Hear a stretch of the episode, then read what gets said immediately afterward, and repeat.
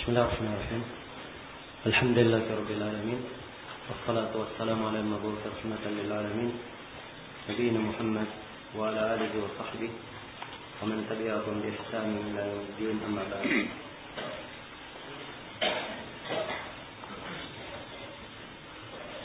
Ini majelis yang ke 36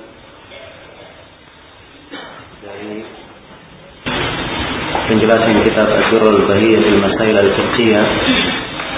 Dan hari ini insyaallah taala adalah hari yang terakhir hari yang ke-10 dari daurah fikih ini. Berkata Imam Asy-Syafi'i rahimahullah taala Kitabul Wasiyah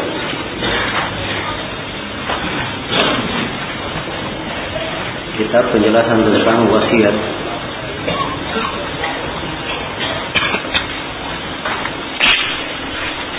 wasiat adalah sesuatu yang disampaikan setelah meninggalnya orang yang berwasiat. Kata al-wasiat secara bahasa bermana menyampaikan. Bermana menyampaikan. Dan secara istilah yang dimaksud dengan wasiat adalah tabarru bil bal pada maut. Seorang memberikan hartanya setelah kematian atau berdermawan dengan harta setelah kematian. Ya. Ini yang disebut dengan wasiat. Jadi sebelum dia meninggal, dia berwasiat bahwa misalnya si fulan disebutkan orang selain dari ahli warisnya dia diberi sekian. Disebutkan jumlah kurang dari sepertiga hartanya. Atau dia berkata harta saya yang ini ini si peruntukan misalnya untuk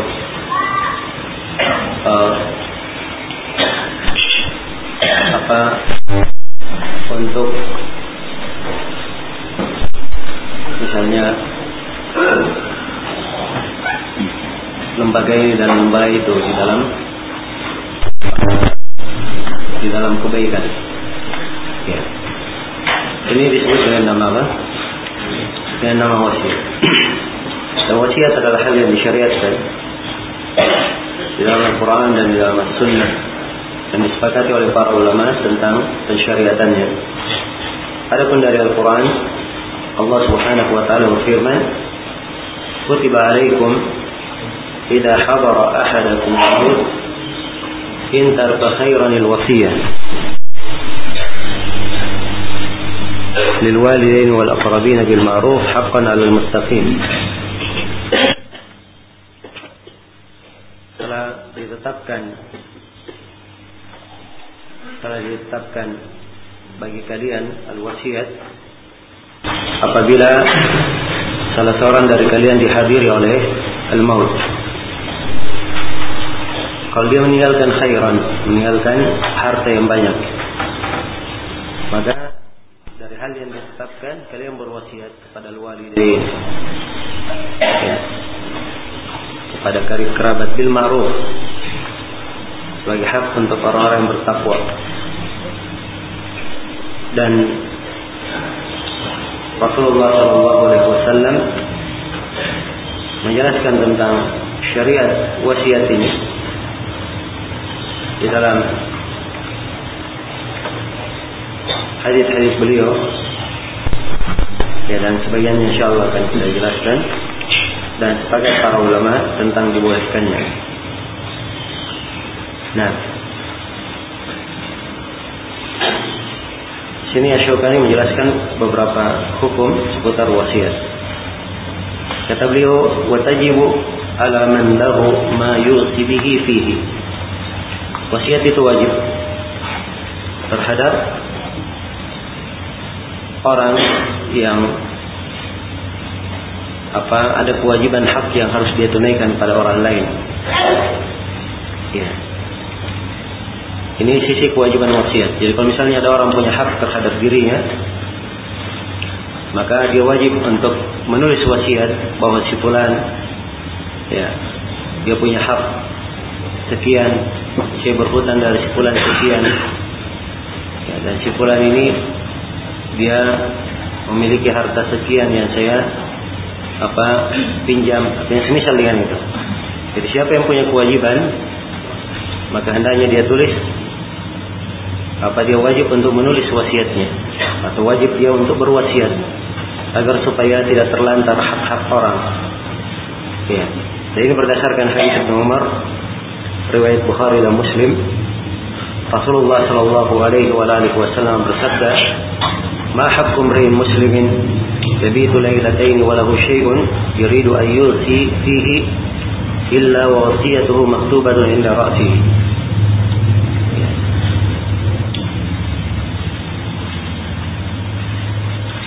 Rasulullah bersabda, tidaklah hak seorang seorang muslim yang bermalam dua malam sedangkan dia punya sesuatu yang harus dia wasiatkan kecuali wasiatnya itu harus tertulis di dekat kepalanya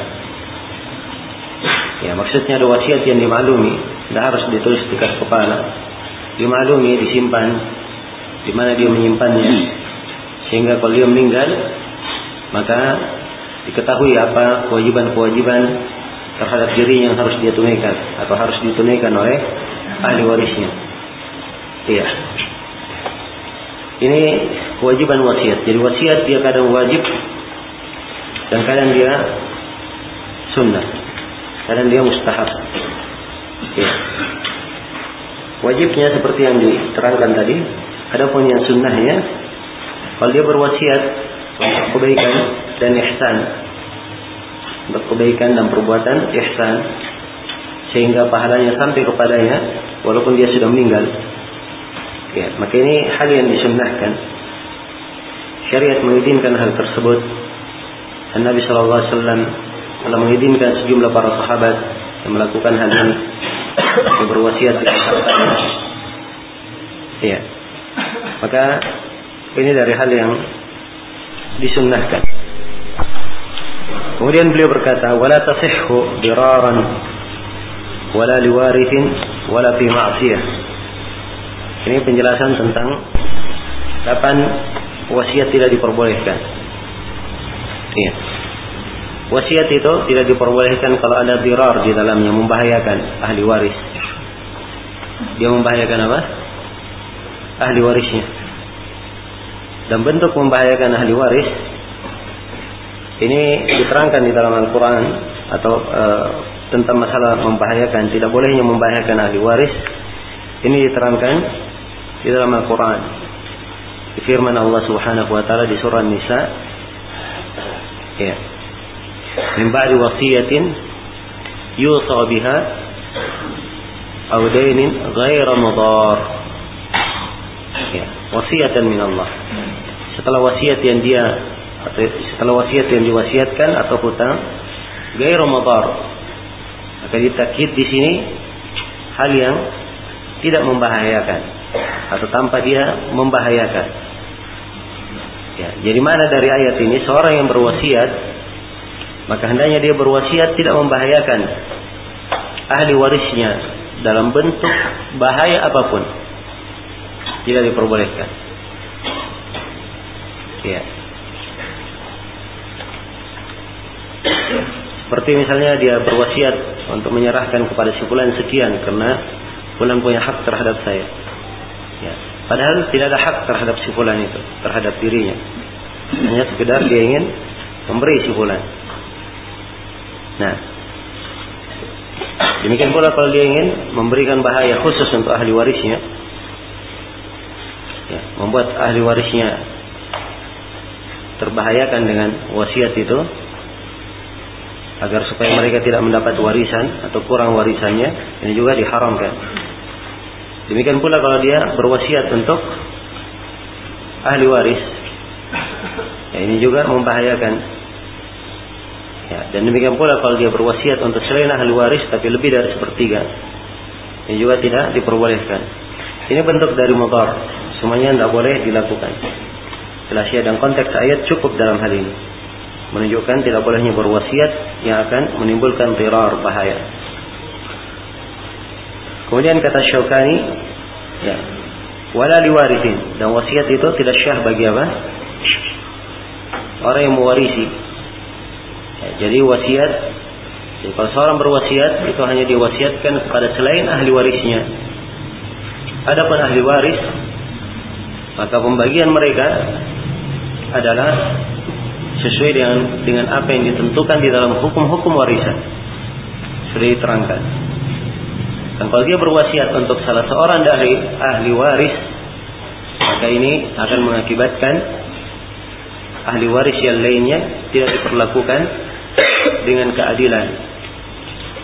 Dan inilah termasuk salah satu sebab yang menyebabkan munculnya permusuhan dan kebencian antara sesama orang bersaudara. Oke.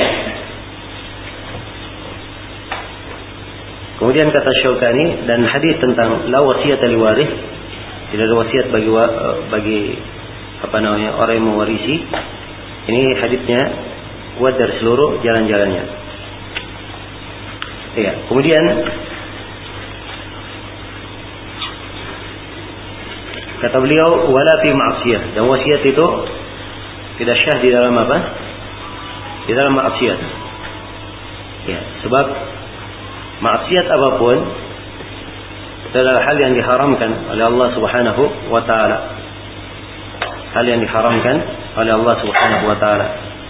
Maka kapan seorang berwasiat pada hal yang maksiat ya, tentunya hal ini adalah hal yang tidak dibenarkan dan itu artinya dia mengeluarkan hak ahli warisnya atau mengurangi hak ahli warisnya tanpa ada alasan yang dibenarkan oleh syariat. Nah, karena itu tidak diizinkan berwasiat di dalam kemaksiatan. Ya, dan kalau dia berwasiat dalam maksiat, maka tidak diikuti wasiatnya. Baik. Kemudian kata beliau rahimahullah, wahia fil qurabi min ats-tsuluts. Ya. Wahia fil qurabi minat sulh.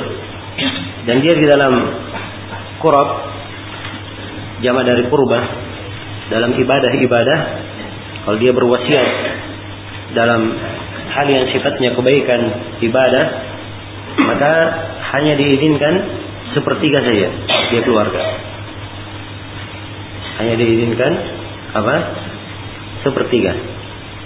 Ini batasan yang terbanyak di dalam berwasiat berdasarkan hadis Ibnu Abbas riwayat Bukhari dan Muslim dan berdasarkan hadis Sa'ad bin Abi Waqqas riwayat Bukhari dan Muslim di mana Nabi sallallahu alaihi wasallam bersabda sulus wasulusu katsir. Sepertiga dan sepertiga itu sudah terlalu banyak. Ya. Dan lebih jelas lagi kisahnya saat tadinya beliau ingin bersedekah dengan dua pertiga hartanya. Dia ingin berwasiat dengan dua pertiga hartanya Sebab saat hanya memiliki satu anak perempuan. Atau dia afwan, saat hanya uh, memberikan warisan yang dianggap anaknya sedikit. Maka beliau pun ingin berwasiat dengan dua per tiga hartanya. Maka Nabi berkata lah, tidak boleh. Kemudian saat berkata bagaimana kalau seperdua ya Rasulullah? Kata beliau lah, ya tidak boleh. Kemudian saat berkata, bagaimana kalau sepertiga ya Rasulullah? Seperdua, dua pertiga tidak boleh, seperdua tidak boleh. Bagaimana kalau sepertiga? Kata Nabi As-Suluh, Was-suluh kasir. Ya, tidak apa-apa sepertiga dan sepertiga itu sudah sangat banyak. Nah, dan kalimat sepertiga dan sepertiga itu sudah sangat banyak. Ini menunjukkan bahwa afdolnya kalau dia berwasiat dia berikan wasiat kurang dari sepertiga. Sebab itu sudah dianggap banyak oleh Nabi Shallallahu Alaihi Wasallam. Dan di kisah yang saya sebutkan tadi juga ini menunjukkan bahwa seorang boleh berwasiat dengan seluruh hartanya kalau dia tidak punya ahli waris sama sekali. Kalau dia tidak punya apa? Ahli waris sama sekali. Kenapa dia dilarang berwasiat lebih dari sepertiga? Karena untuk menjaga hak ahli warisnya. Untuk menjaga apa? Hak ahli waris. Tapi kalau dia tidak punya ahli waris sama sekali, maka dia boleh berwasiat dengan apa?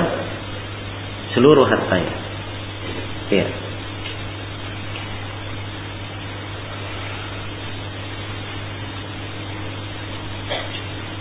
Kemudian kata beliau rahimahullah wa yajibu taqdimu qada'id duyun. Dan wajib untuk mendahulukan apa?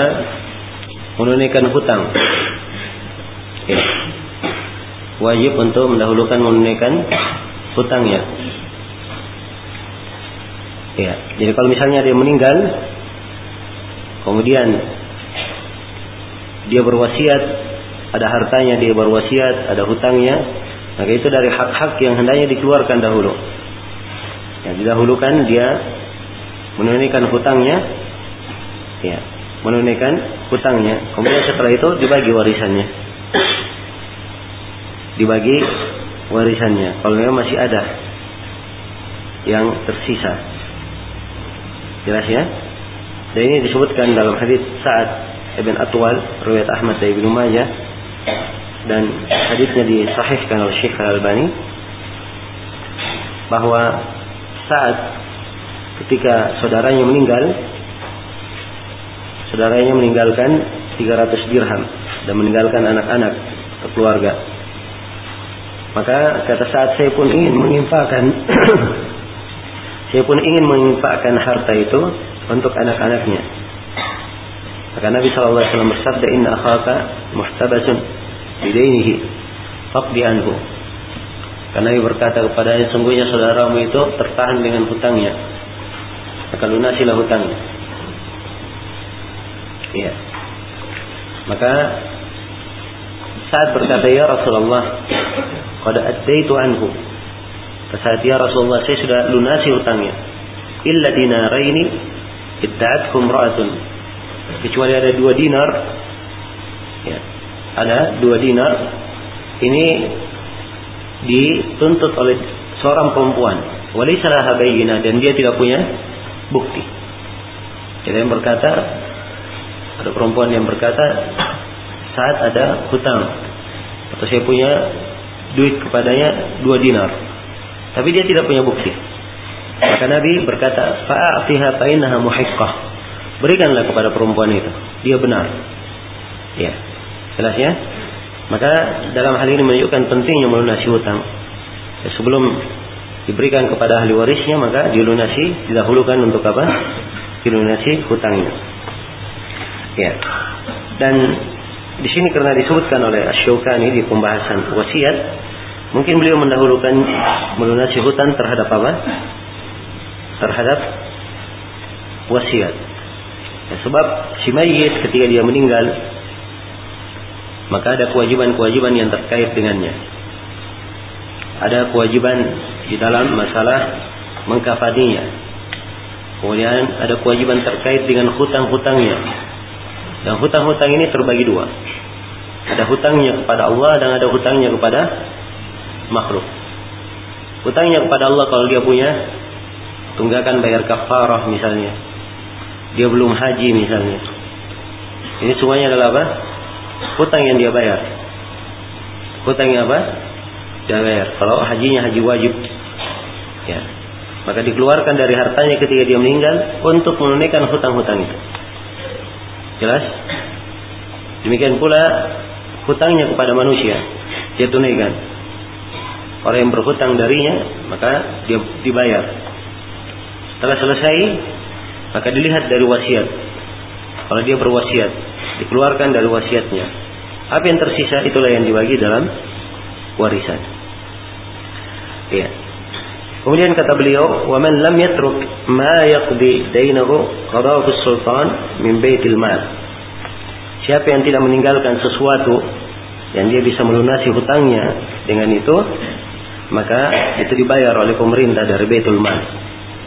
Dan ini berdasarkan hadis Abu Hurairah yang diriwayatkan oleh Imam Al-Bukhari dan Imam Muslim Nabi sallallahu alaihi wasallam berkhutbah beliau berkata man khallafa malan aw haqqan faliwarathatihi wa man khallafa kallan aw daynan fakilhu ilayya wa daynuhu alayya Kata Nabi sallallahu alaihi wasallam siapa yang meninggalkan harta atau meninggalkan sebuah hak maka itu adalah milik ahli warisnya.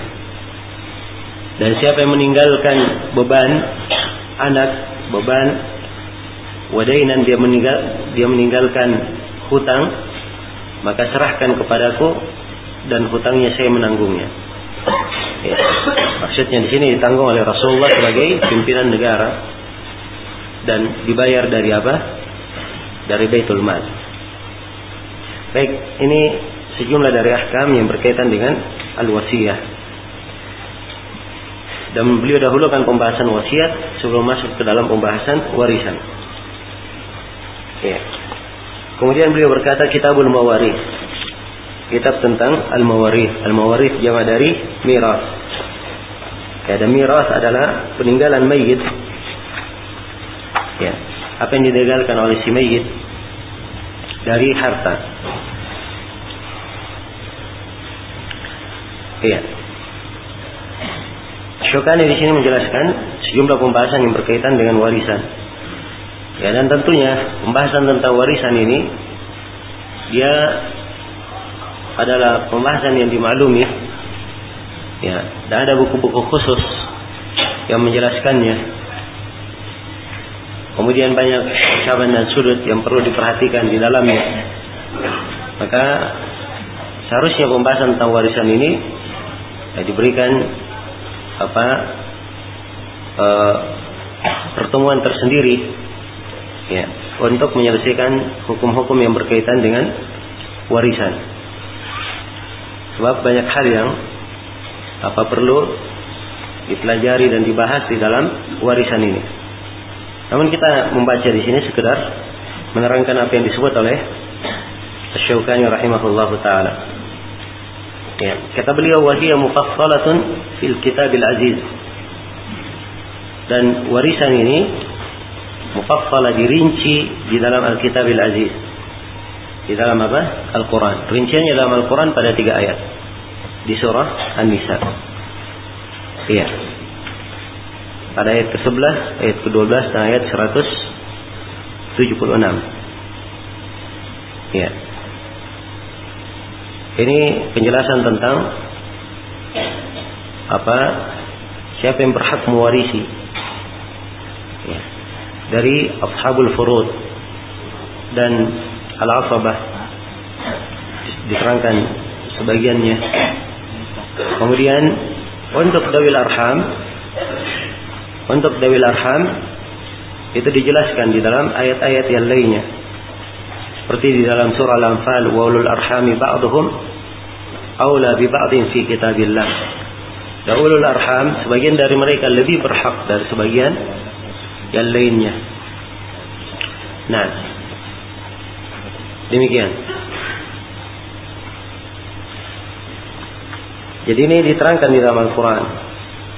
Ya, dan diterangkan siapa-siapa saja ahlul furud itu dan dilengkapi di dalam hadis Nabi Shallallahu Alaihi Wasallam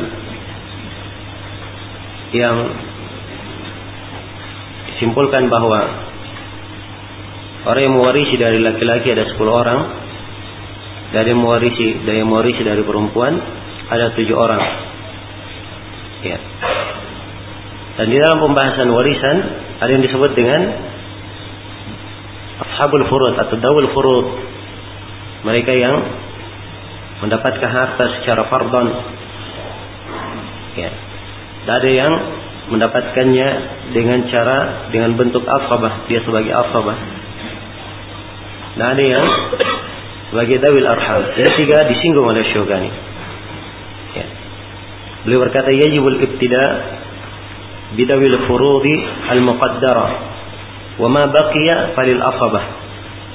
Wajib memulai memberi dawil furud al-muqaddarah. Fard kewajiban yang ditakdirkan dan ditentukan. Wa ma baqiya falil asabah. Apa yang tersisa maka itu untuk apa? Asabah. Jadi nampak dari sini orang yang mewarisi secara fardan dikatakan sebagai ashabul furud itu telah ditentukan berapa jumlah yang dia warisi. Apakah seperdua dari harta, seperdua dari warisan, atau sepertiga, atau seperenam. Ya. Kemudian ada yang diterangkan seperempat, hanya seperdelapan. Jelas? Ini ashabul furud dan ditentukan siapa-siapa saja orangnya. Ya. 10 orang dari ashabul furud dirinci oleh kandungan ayat dan dirinci di dalam hadis-hadis Rasulullah sallallahu alaihi wasallam. Ya, kalau ada lebihnya maka diberikan kepada al-asabah. Al-asabah adalah siapa? Al-asabah adalah orang yang mewarisi tanpa ukuran tanpa penentuan kadar. Ya, kalau furud ditentukan kadarnya. Ini seperdua, itu sepertiga. Jelas? Kalau asabah dia apa? Dia tanpa ketentuan. Nah, jelas sampai sini? Baik.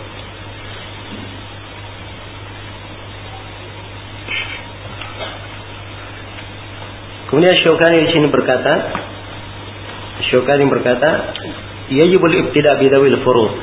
Harus dimulai dengan dawil furud al-muqaddarah. Kemudian wa ma baqiya falil asabah. Apa yang tersisa dari apa? Maka diberikan untuk siapa? Untuk asabahnya. Diberikan untuk asabahnya. Ini berdasarkan hadis Ibnu Abbas, riwayat Al-Bukhari dan Muslim dan ini hadis merupakan hadis pokok di dalam pembahasan warisan. Ya dalam pembahasan warisan. Di mana Nabi sallallahu alaihi wasallam bersabda, "Alhiqul fara'id bi ahliha." Fama baqiya fali aula rajulin dakar. Ikutlah, ikutkanlah al-faraid kewajiban-kewajiban berikanlah kepada ahlinya, kepada pemiliknya. Jadi asalnya diberikan kepada siapa? Yang punya uh, pembagian-pembagian yang sudah jelas ditentukan kadarnya. Itulah ashabu apa? Al-furud daul furud. Nah jadi al-hikul faraid bi ahliha. Berikanlah faraid kadar-kadar itu dari warisan kepada pemiliknya. Fama bakiya kalau tersisa fali aula rajulin dakar maka diberikan kepada ya siapa yang paling berhak dari keluarganya di pihak laki-laki Nah. Ya. Jadi disebut pada aula rajulin dzakar ya, disebut bahwa tidak harus laki-laki yang masuk dalam asabah. Boleh perempuan akan tetapi yang paling berhak adalah apa? Hah? Adalah laki-laki yang paling didahulukan. Demikian. Maka masuk di dalam hadis ini ya penjelasan tentang apa? Ashabul furud ya. Kemudian al-asabah dan kemudian masuk juga dawil arham. Dawil arham. Dan dawil arham ini akan diterangkan juga oleh Syukani. Dawil arham adalah orang yang mewarisi. Kalau sudah tidak ada ahli warisnya, ya, tidak ada ahli warisnya dan tidak ada asabahnya, nah maka uh, uh, dawil arham tidak ada ahli warisnya, ya, tidak ada ahli warisnya selain dari suami dan istri. Jadi kalau suami dan istri ada, tetap dawil arham juga masih dapat. Jelas ya? Tidak ada ahli warisnya selain suami dan istri dan tidak ada asabahnya, maka jatuhnya ke mana? Ke dawil arham. Iya. Jadi ini ketentuan umumnya di dalam pembahasan apa? Di pembahasan warisan. Nah, di dalam warisan ini dijelaskan berapa setiap orang pembagiannya ashabul furud ada berapa orang? Setiap orang apa pembagiannya? Ya. Dan asabah ya siapa saja asabah? Ya. Sebab asabah itu terbagi tiga. Ada asabah asabah bin ya. Dan ada asabah ma'al ghair atau asabah bil ghair. Dan ada asabah ma'al ghair. Ya. Ini tiga bentuk asabah atau tiga golongan asabah Ya jelas? Maka diterangkan asabah ini pembagiannya berapa, ketentuannya berapa. Dan ada dawil arham setelah ashabul furud dan al ini. Jelas ya? Ya. Dan yang mewarisi dia apa mewarisi sebagai ashabul furud dia dapat kewajiban fardan dan dia juga sebagai asabah. Ya, mewarisi dengan dua hal sekaligus. Ya. Ini semua ada rincian-rinciannya. Ada ketentuan-ketentuannya. Ya. Ada ketentuan-ketentuannya. Maka inilah yang apa dijelaskan cara panjang lebar di dalam pembahasan apa warisan. Kemudian setelah itu, setelah diketahui siapa yang memiliki hak, maka di dalam pembahasan warisan dipelajari bagaimana cara membagi hak-hak tersebut kemudian diserahkan kepada siapa? Kepada pemiliknya. Diserahkan kepada pemiliknya. Nah ini terkait dengan banyak pembahasan. Ya, dan sini Asyokani menyinggung pembahasan-pembahasan ya sebagian pembahasan berkaitan dengan warisan. Kata beliau wal akhwat ma'al banati afabah. Ya. Akhwat akhwat saudara-saudara apa? Perempuan. Ya. Saudara-saudara perempuan ma'al banat bersama anak-anak perempuan dia adalah al-asabah. Ya. Jadi al-banat anak-anak perempuan itu mewarisi secara apa? Secara fardhan. Sebab ya, anak-anak perempuan disebutkan kadar warisannya di mana? Di dalam Al-Qur'an secara fard. Ya.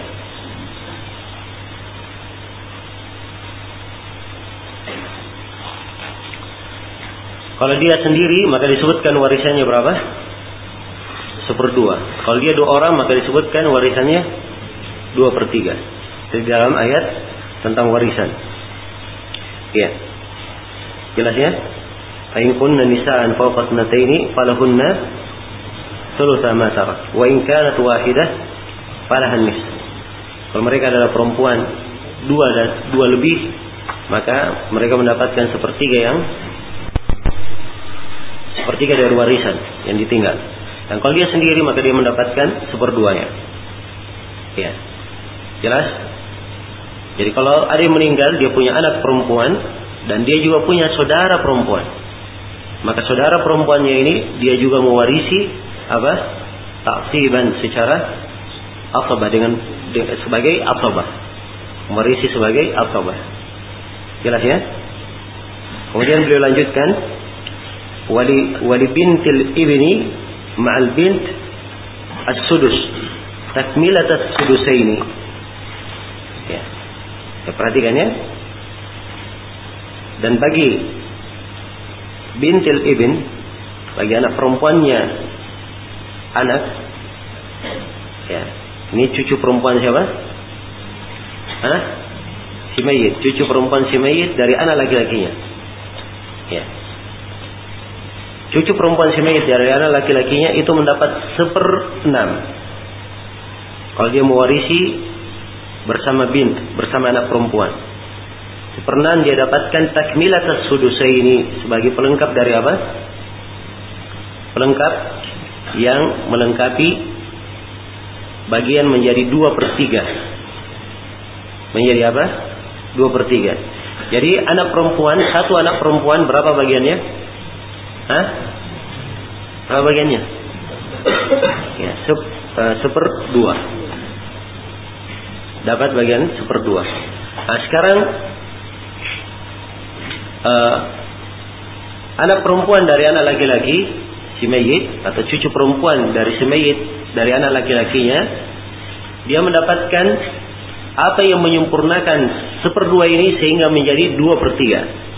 Berarti berapa? seperenam. Kan begitu? Ya, seperenam. Ya, kalau dibagi tiga per enam, ya, kan begitu? Tiga per enam, sisa ditambah berapa? Seperenam.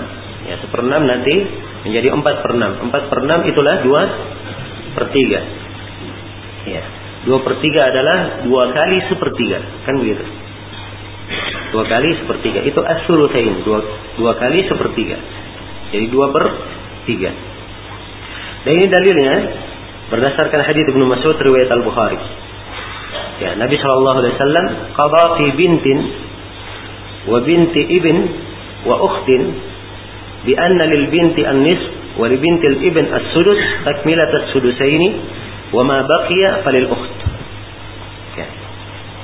Nah, jadi Nabi memberikan ketetapan terhadap orang yang meninggal dia punya ahli waris anak perempuan satu, cucu perempuan dari anak laki-lakinya satu, kemudian satu apa? Saudara perempuan. Ini sudah kita lihat ya. Jadi sekarang ashabul furudnya dua. Bint anak perempuan dan apa? Cucu perempuan dari anak laki-laki. Kemudian asabahnya berapa? Hah? Satu yaitu saudara perempuan. Dimulai dulu dari mana? Ya. Ya, dimulai dari ashabul furud sebab asabah nanti kalau ada lebih diberikan semua ke mana? Ke asabah. Tidak ada kadar warisannya dia. Takdir warisannya. Jelas? Baik. Jadi pertama dimulai dari bint. Al bint anak perempuan diberi berapa? Nah, diberi seperdua. Ya, diberi seperdua. Kemudian uh, bintul ibn ya diberi berapa? Dia diberi seperenam untuk menyempurnakan dua per tiga. Jelas ya? Berarti masih ada tersisa sepertiga. Ya. Masih ada tersisa sepertiga. Maka sepertiga ini itu diberikan ke mana? Ke asabah. Asabah setelah kita sebutkan ya tidak takdirnya. Andai kata yang tersisa seperdua, maka semuanya milik siapa? Milik asabah. Jadi apa yang lebih diberikan ke mana? Ke asabah. Ini penjelasannya tentang dua hal. Hadits Ibnu Mas'ud ini menjelaskan tentang dua ketentuan yang disebut di sini oleh Syukani. Akhwat, saudara perempuan bersama anak-anak perempuan dia dihitung apa? Asabah. Ya. Ini yang pertama, akhwat eh, saudara perempuan bersama apa? anak perempuan. Kemudian berikutnya dan cucu perempuan dari anak laki-laki bersama dengan anak perempuan dia dapat seperenam menyempurnakan dua per tiga. Kemudian kata beliau wakadal ukhtu di abin mal ukhti li abawaini. Ya, kata beliau demikian pula ya, saudara perempuan dari satu ayah. Ya, bersama saudara perempuan ya bersama saudara perempuan dari dua ayah atau dari ayah dan ibunya. Nah, jelas.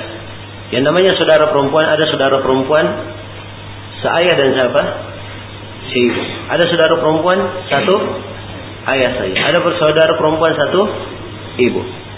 Nah, kalau ada saudara perempuan satu ayah, Ya. Maka saudara perempuan satu ayah ini, kalau ada yang mewarisi juga dari saudara perempuan seayah dan seibu, maka yang didahulukan apa? Seayah dan seibu. Ya. Kemudian si siapa namanya? Uh, saudara perempuan yang se ini, ya saudara uh, di sini disebut satu ya, saudara perempuan seayah dan saudara perempuan siapa? Seayah dan seibu. Saudara perempuan seayah dan seibu karena dia adalah uh, apa namanya dia di sini saudara perempuan saya dan seibu, kemudian ada saudara perempuan seayah saya, maka dia diberikan seperenam juga untuk menyempurnakan berapa? Dua per tiga. Ya, dan ini disebut oleh Imam Syukani adalah hal yang disepakati oleh para ulama. Ya, kata yang saya beri tanda kurung di situ itu ada di dalam manuskripnya. Dicetakan yang lain tidak disebutkan. Ya. Nah mungkin disebutkannya di sini hanya terkait untuk menjelaskan siapa yang lebih berhak. Wal ahu li abuwaini aqdamu minal akh wal ukhti abin. Ini dari sisi kedudukan. Ya, dan ini bermanfaat nanti di permasalahan haji. Jadi kalau ada saudara seayah dan seibu, dia lebih didahulukan daripada saudara yang seayah saja atau saudara perempuan yang apa? Seibu saja. Ada saudara laki-laki seayah dan seibu, maka dia lebih didahulukan dari saudara laki-laki dan saudara perempuan yang seayah saja. Ya, baik itu kaidah umum ya. Kemudian kata beliau walil jaddati wal jaddat as-sudus ma'a adamil um. Dan bagi jaddah dan jaddat bagi seorang nenek atau beberapa orang nenek ya. As-sudus dia mendapatkan seperenam. Kapan itu? Apa ketentuannya? Ma'a adamil um. Kalau tidak ada apa? Tidak ada ibu. Ya. Jelas ya? Sebab asalnya ibu mendapatkan berapa? Mendapatkan seperenam. Ya. Ibu mendapatkan seperenam apabila si uh, si mayit dia meninggalkan far' waris. Ya. Dia meninggalkan apa? Cabang warisan yaitu ada anaknya. Maka si ibu dapat berapa? Seperenam. Kalau tidak ada ibu, maka tidak ada ibu tapi ada nenek, maka nenek yang apa mengambil seperenam tersebut. Jelas ya? Jadi nenek ibunya ibu atau kalau dia dua ke atas lagi ibunya ibunya ibu ya. Ya kalau ada nenek buyutnya lagi ke atas ya. Semuanya ada tiga orang misalnya maka bersyirikat mendapatkan apa? Seperenam. Ya. Kalau ada ibu maka nenek tidak ada bagiannya. Sebab dia sudah dihajab oleh siapa? Di, dihajab oleh ibu. Ya dihajab itu artinya ya dia tertahan tidak mewarisi. Tertahan tidak mewarisi karena sebuah sebab atau karena dia mendapatkan yang paling apa uh, sedikit dari dua bagiannya Iya. Jelas ini pembahasan al-hajib. Ya, dan ini pembahasan di dalam warisan penting untuk diketahui. Ya, supaya setelah diketahui misalnya yang berhak mewarisi, ya misalnya ibu, kemudian nenek juga, ya, kemudian berhak mewarisi ayah, kemudian anak, kemudian kakek, ya anaknya anak, ya maka begitu dibagi warisan, ya kakek tidak mesti dia dapat, anaknya anak tidak mesti dia apa? Dia dapat. Kapan ada anak maka cucu sudah apa? Tidak dapat lagi. Ini pembahasan haji. Ya. Jadi ini diketahui, ini tidak dapat dengan pembahasan apa? hajib ini. Ya. Karena itu kata sebagian para ulama tidak ada yang boleh memberi fatwa di dalam masalah warisan dan dia tidak mengetahui hukum seputar apa? Seputar hajib ini. Baik. Kemudian kata beliau, wala mirasa uh, eh, sebentar. Saya wa huwa lil jaddi ma'aman la yuskituhu. Ya. Wa huwa lil jaddi Ma'aman la yuskituhu. Dan dia seper, seperenam ini juga ini didapatkan oleh kakek. Didapatkan oleh kakek kalau dia apa bersama orang yang tidak menggugurkannya. Ya maksudnya kalau ada ahli waris di situ, ya dan dia tidak mempengaruhi keberadaan kakek maka kakek tetap mendapat apa? Mendapat seperenam. Ya, tapi kalau mempengaruhi keberadaan kakek, maka tentunya dia terhajab olehnya. Nah itu disyaratkan man la yuskituhu. Kemudian kata beliau wala mirasa lil ikhwa wal akhwat mutlaqan mal ibn au ibn al ibn au al ab. Dan tidak ada warisan bagi para saudara lelaki para saudara perempuan mutlakan secara mutlak tidak ada warisan. Kalau ada anak atau ada anaknya anak atau ada ayah atau ada apa? Ayah. Baik. Jadi misalnya anak sudah mewarisi, ada anaknya. Ya. Maka saudara dari si mayit ya, saudara laki-laki maupun saudara perempuannya ini apa? terhajab oleh adanya siapa? Adanya anak. Kalau anak tidak ada tapi dia punya, si anak, anak ini punya anak cucu, cucu laki-laki dari anak laki-lakinya, maka ini juga menghajib siapa? Ya, saudara laki-laki dan saudara perempuan. Demikian pula kalau ada ayahnya. Ada ayah, maka ayah menghajib saudara laki-laki dan saudara apa? Saudara perempuan. Jelas ya? Wa fi miratihim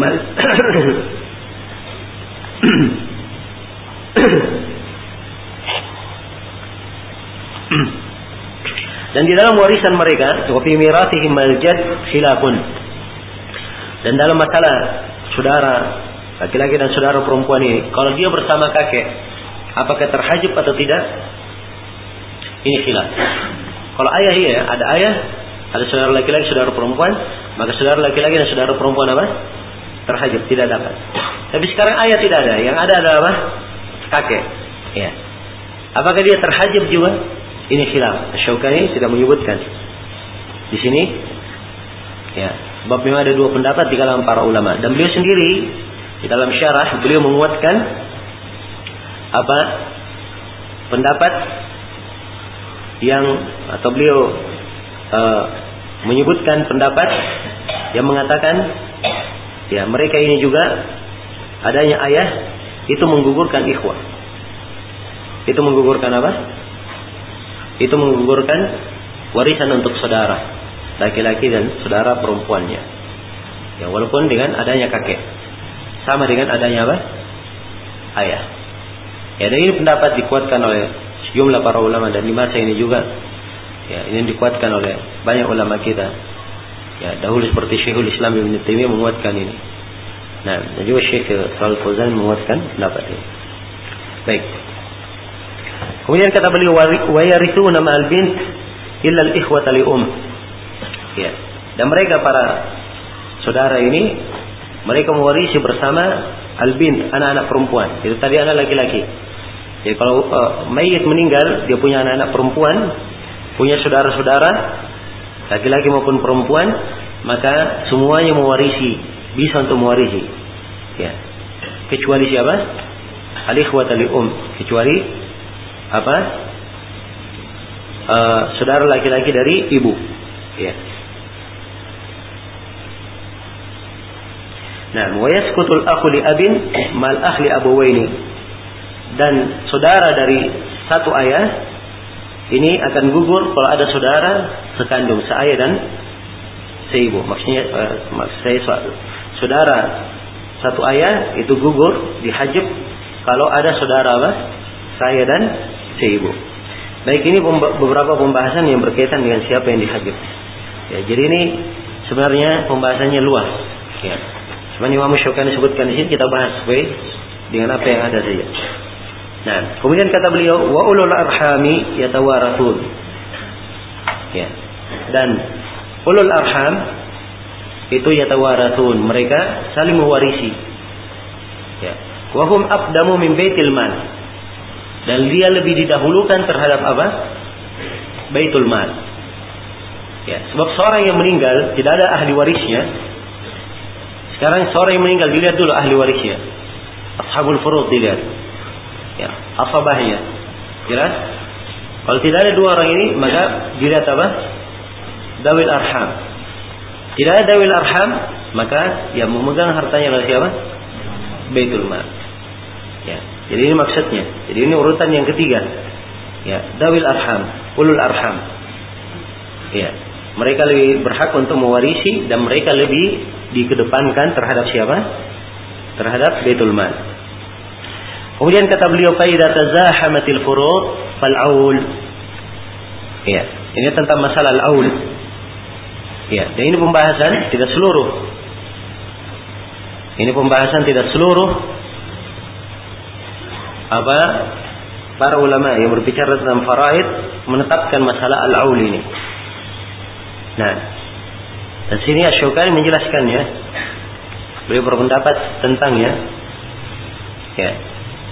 Jadi al-aul itu adanya penambahan di dalam asal masalah dan menghasilkan sebagian dari apa nisabnya itu terkurangi Nah, ya kalau misalnya dari yang mewarisi ada yang mendapat seperdua, satunya lagi mendapat sepertiga, satunya lagi mendapat seperdua. Ya, ini dari sisi ini sob ya, seperdua, seperdua. Kalau diberi seperdua, maka ini tidak bisa dibagi lagi untuk apa? Yang lainnya. Ya, maka di sini dibuatkan tambahan di asal masalah sehingga apa? Tentunya ada yang dikurangi dari haknya sehingga rata pembagian untuk untuk semua yang apa mewarisi. Dan inilah yang disebut dengan masalah al-aul. Jelas ya? Dan ini ada rincian-rinciannya, kita nggak bisa apa namanya menjelaskan secara ini. Baik, jadi itu kesimpulan tentang apa? Tentang al-aul. Ya. Saya hanya berikan gambaran umum saja. Baik, kemudian kata beliau rahimahullah, wala yarithu waladul mulaidah wadzaniyah illa min ummihi wa qarabatiha wal aks. Ya. Dan anak orang yang melakukan mula'anah ya, sudah ber, sudah berlalu ya tentang apa? Al-li'an, pembahasan tentang li'an. Jadi kalau di pembahasan li'an ya si suami mengingkari anak itu adalah anaknya, maka anak ini dinisbatkan ke siapa? Ke ibunya. Maka si anak ini dia tidak bisa mewarisi. Kecuali dari ibunya saja dan kerabat siapa? Ibunya. Ini jelas. Al-waladu lil firash. Jelas ya? Wal aks dan sebaliknya. Sebaliknya ibu kalau anaknya meninggal, maka dia bisa apa? Mewarisinya. Dia bisa mewarisinya. Baik, demikian pula anak zina. Anak zina. Ini hanya dinisbatkan ke mana? Ke ibunya dan kerabatnya dalam sisi warisan. Hanya warisi dari ibu atau dari apa? Kerabat ibunya. Iya. Dan sebaliknya kalau dia meninggal diwarisi oleh siapa? Ibunya. Adapun ayahnya dari perzinahan, maka dia tidak mewarisi dari ayahnya dan dia ayahnya pula ayahnya juga tidak mewarisi dari apa? Dari anaknya. Nah, ya dan tentang hal ini ini jelas, ya tentang al sudah berlalu dan tentang apa namanya uh, ya juga telah kita terangkan tentang kandungan dari hadis al-waladu lil firash. Nah, kemudian kata beliau rahimahullah ya, wala yarithul mauludu illa idza istahal. Ya. Dan tidaklah anak yang dilahirkan dia mewarisi kecuali kalau dia istahal Istahal itu apa? Ya, istahal itu nampak di pembukaan begitu. Ya, karena itu hilal, katakan dia hilal sebab dia nampak di mana? Di awal bu, di awal bulan. Jadi kalau anak istahal, maksudnya awal kali dia lahir, dia terdengar apa? Terdengar suaranya, Hah? dia sudah meraung, ya itu istahal namanya. Jelas ya? Nah, ini tentang warisan janin. Ya. Jadi disyaratkan pada anak yang dikandung dalam mewarisi kalau dia disyaratkan dua syarat. Syarat yang pertama dipastikan ada janin di dalam kandungan, telah dipastikan. Syarat yang pertama. Syarat yang kedua ya.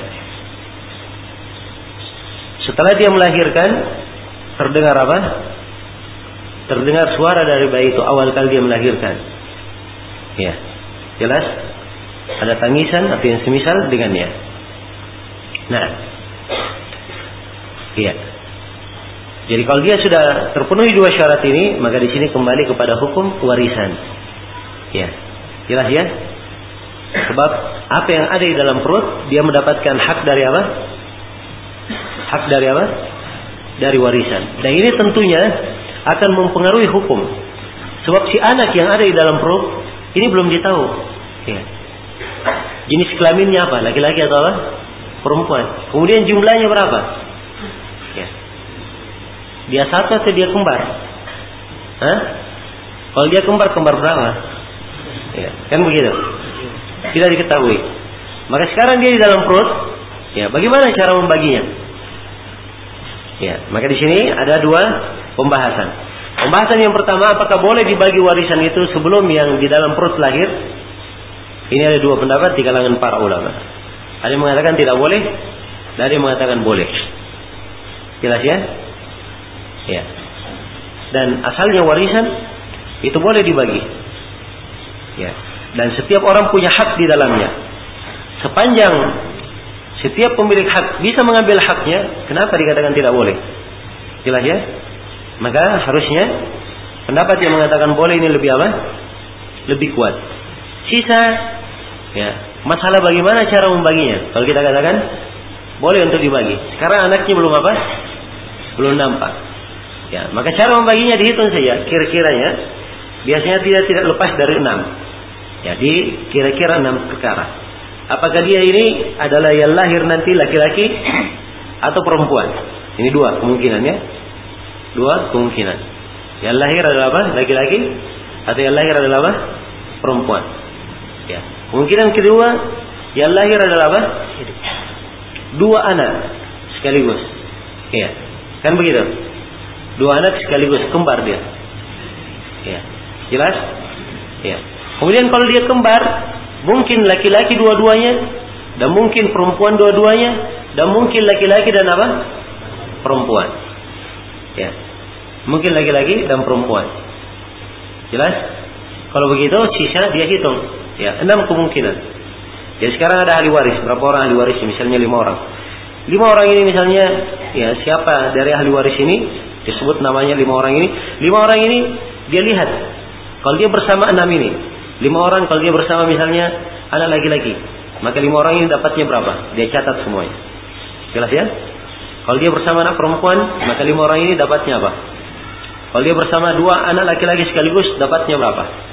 Nah, setelah selesai semua dia catat kemungkinan-kemungkinan itu, maka dia berikan kesimpulan. Kalau ada dari ahli waris yang di semua kesimpulan sama bagiannya, maka apa? Dia diberikan bagiannya sempurna. Ya sebab apa pun kemungkinan yang terjadi, bagiannya apa? Bagiannya sama. Kan begitu? Ya, baik. Ini yang pertama. Yang kedua, kalau ada dari ahli waris, ada beberapa kemungkinan. Dia mungkin dapat ini, dapat itu. Ya, ada beberapa kemungkinan. Maka ini diambil kemungkinan yang paling sedikitnya. Diberikan untuknya apa? Kemungkinan yang paling sedikitnya. Nanti kalau bayinya lahir, ternyata kurang, baru diberikan apa? Tambahannya. Ya, diberikan tambahannya. Jelas ya? Ya. Kalau dari lima orang ini, ternyata setelah dicatat semuanya, ada yang di sebagian keadaan dia mewarisi dan di sebagian keadaan dia dihajab, tidak mewarisi, maka yang seperti ini tidak diberi. Nanti setelah lahir baru dilihat, pastinya dia diberi atau apa? Tidak. Jelas ya? Jadi ini kesimpulan yang berkaitan dengan masalah anak yang apa? Warisan anak bayi atau janin. Iya. Kemudian kata beliau rahimahullah wa mirasul atiq li mu'tiqihi wa yasqutu bil asabat. Ya. Dan warisan al-atiq seorang budak yang dibebaskan itu bagi siapa yang membebaskannya. Sebab sudah berlalu bersama kita ya. Innamal wala'u liman ataq. Sungguhnya wala itu bagi siapa yang membebaskannya. Dan dimaklumi warisan itu orang mewarisi dengan tiga sebab. Ya. Seorang mewarisi karena berapa sebab? Karena tiga. Sebab yang pertama karena nasab. Ada hubungan apa? Hubungan nasab. Sebab yang kedua karena pernikahan. Ya. Ini suami dan ini apa? Istri misalnya. Karena pernikahan. Ya. Kemudian sebab yang ketiga karena apa? Karena wala. Inilah yang disebut di dalam masalah perbudakan. Karena wala. Jelas ya? Ini tiga perkara disebut asbab al-ir. Sebab-sebab yang menyebabkan seorang itu mendapatkan warisan. Ya. Jelas? Dan nasab yang di, diinginkan ya di dalam sebab. Ya. Nasabnya. Ya, bukan dari susuan. Ya, kalau susuan apa? Ya. Tidak ada warisan dari susuan. Susuan itu hanya memberikan pengaruh di dalam masalah apa? Dalam masalah mahram. Tapi dalam warisan tidak ada pengaruhnya. Ya, karena itu Nabi mentakid yuhramu minar raba'a atau yahrumu minar raba'a ma yahrumu minan nasab. Jelas ya kata pengharamannya saja. Ya, tidak disebutkan tentang warisannya. Baik. Ya, kata beliau wayas kutu bil asobat. Dan dia gugur dengan apa? Dengan asobat. Ya, jadi maksudnya kalau misalnya ada yang meninggal, ya, seorang yang punya seorang yang dulu budak, dia meninggal, dia masih punya asabah, maka mu'tiknya ini, orang yang membebaskannya, tidak mendapatkan. Dia gugur, terhajab oleh apa? Oleh adanya al-asabah. Kemudian kata beliau walahul baki ma dawi siham. Ya. Dia mendapatkan selebihnya mendapatkan selebihnya bersama dawi siham. Ya, bersama orang-orang yang mempunyai bagian.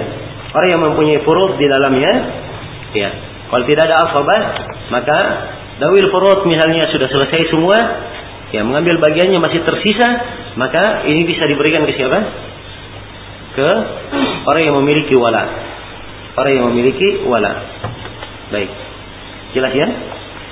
Kemudian kata beliau rahimahullah, wa yahrumu bai'ul wala'i wa hibati dan diharamkan untuk menjual wala dan apa? Menghibahkannya. Ya, itu diharamkan. Karena Nabi melarang dari hal tersebut di dalam hadis Ibnu Umar riwayat Bukhari dan Muslim annahu naha an bai'il wala wa hibati. Beliau melarang dari apa? Ya, menjual wala dan menghibahkannya. Andai kata ada yang berkata sudah ini wala milik saya saya serahkan kepada kamu, saya hadiahkan. Ya, ini tidak diperbolehkan. Jelas ya? Sebab Nabi memberikan nas tetap. Ya. Innamal wala'u apa? Liman a'tab. Ya, sungguhnya wala itu bagi siapa yang membebaskan. Kemudian kata beliau, wala tawarasa baina ahli millataini.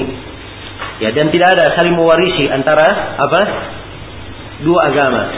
Ya, antara dua agama. Tidak saling mewarisi antara muslim dan apa? Kafir. Dan kafir tidak mewarisi seorang muslim. Nah, ini yang dimaksud.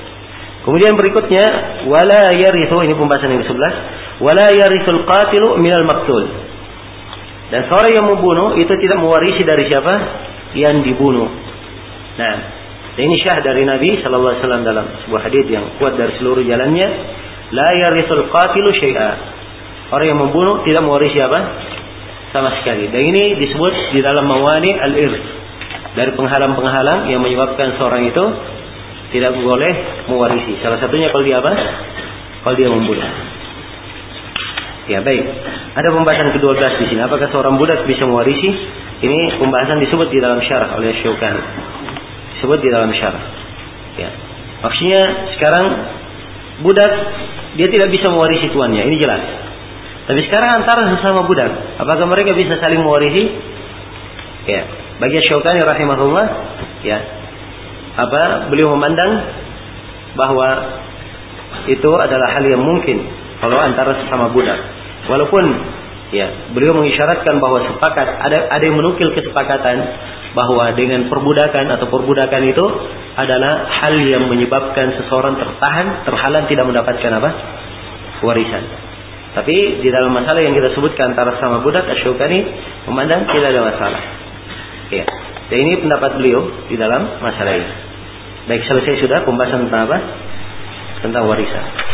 Nah, ini insya Allah tahu pembahasan tentang warisan mungkin kita apa namanya kembangkan di waktu lain. Semoga Allah Subhanahu Wa Taala memberikan taufik nanti.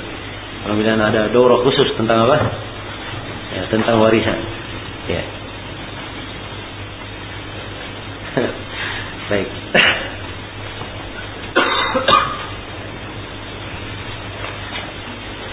Nah, ini kita juga belum siap sekarang ini. Sebab ya belum bisa temen kali-kali apa segala macam ya, tidak siap fasilitasnya. Ya, yang jelas mudah-mudahan di kesempatan lain insya Allah ada ustaz kita yang memberikan apa daurah di dalam masalah warisan ini. Ya, kemudian yang terakhir di sini Asyukani rahimahullah menyebutkan tentang kitabul jihad wasiat. Ya. Kitab tentang jihad dan apa? Asyar. Asyar jama dari sirah. Sirah itu perjalanan. Nah, al-jihad ya. Al-jihad kalau dia dari kata al-juhud dan dia dari kata al-jahad. Ya. Dua kata. Ya. Yang menunjukkan makna berbeda. Kalau al-juhud ya, dia apa bersungguh-sungguh di dalamnya. Kalau al-jahad dia mencurahkan segala kemampuannya. Nah, maka ini dari sisi bahasa dan dari sisi istilah ya.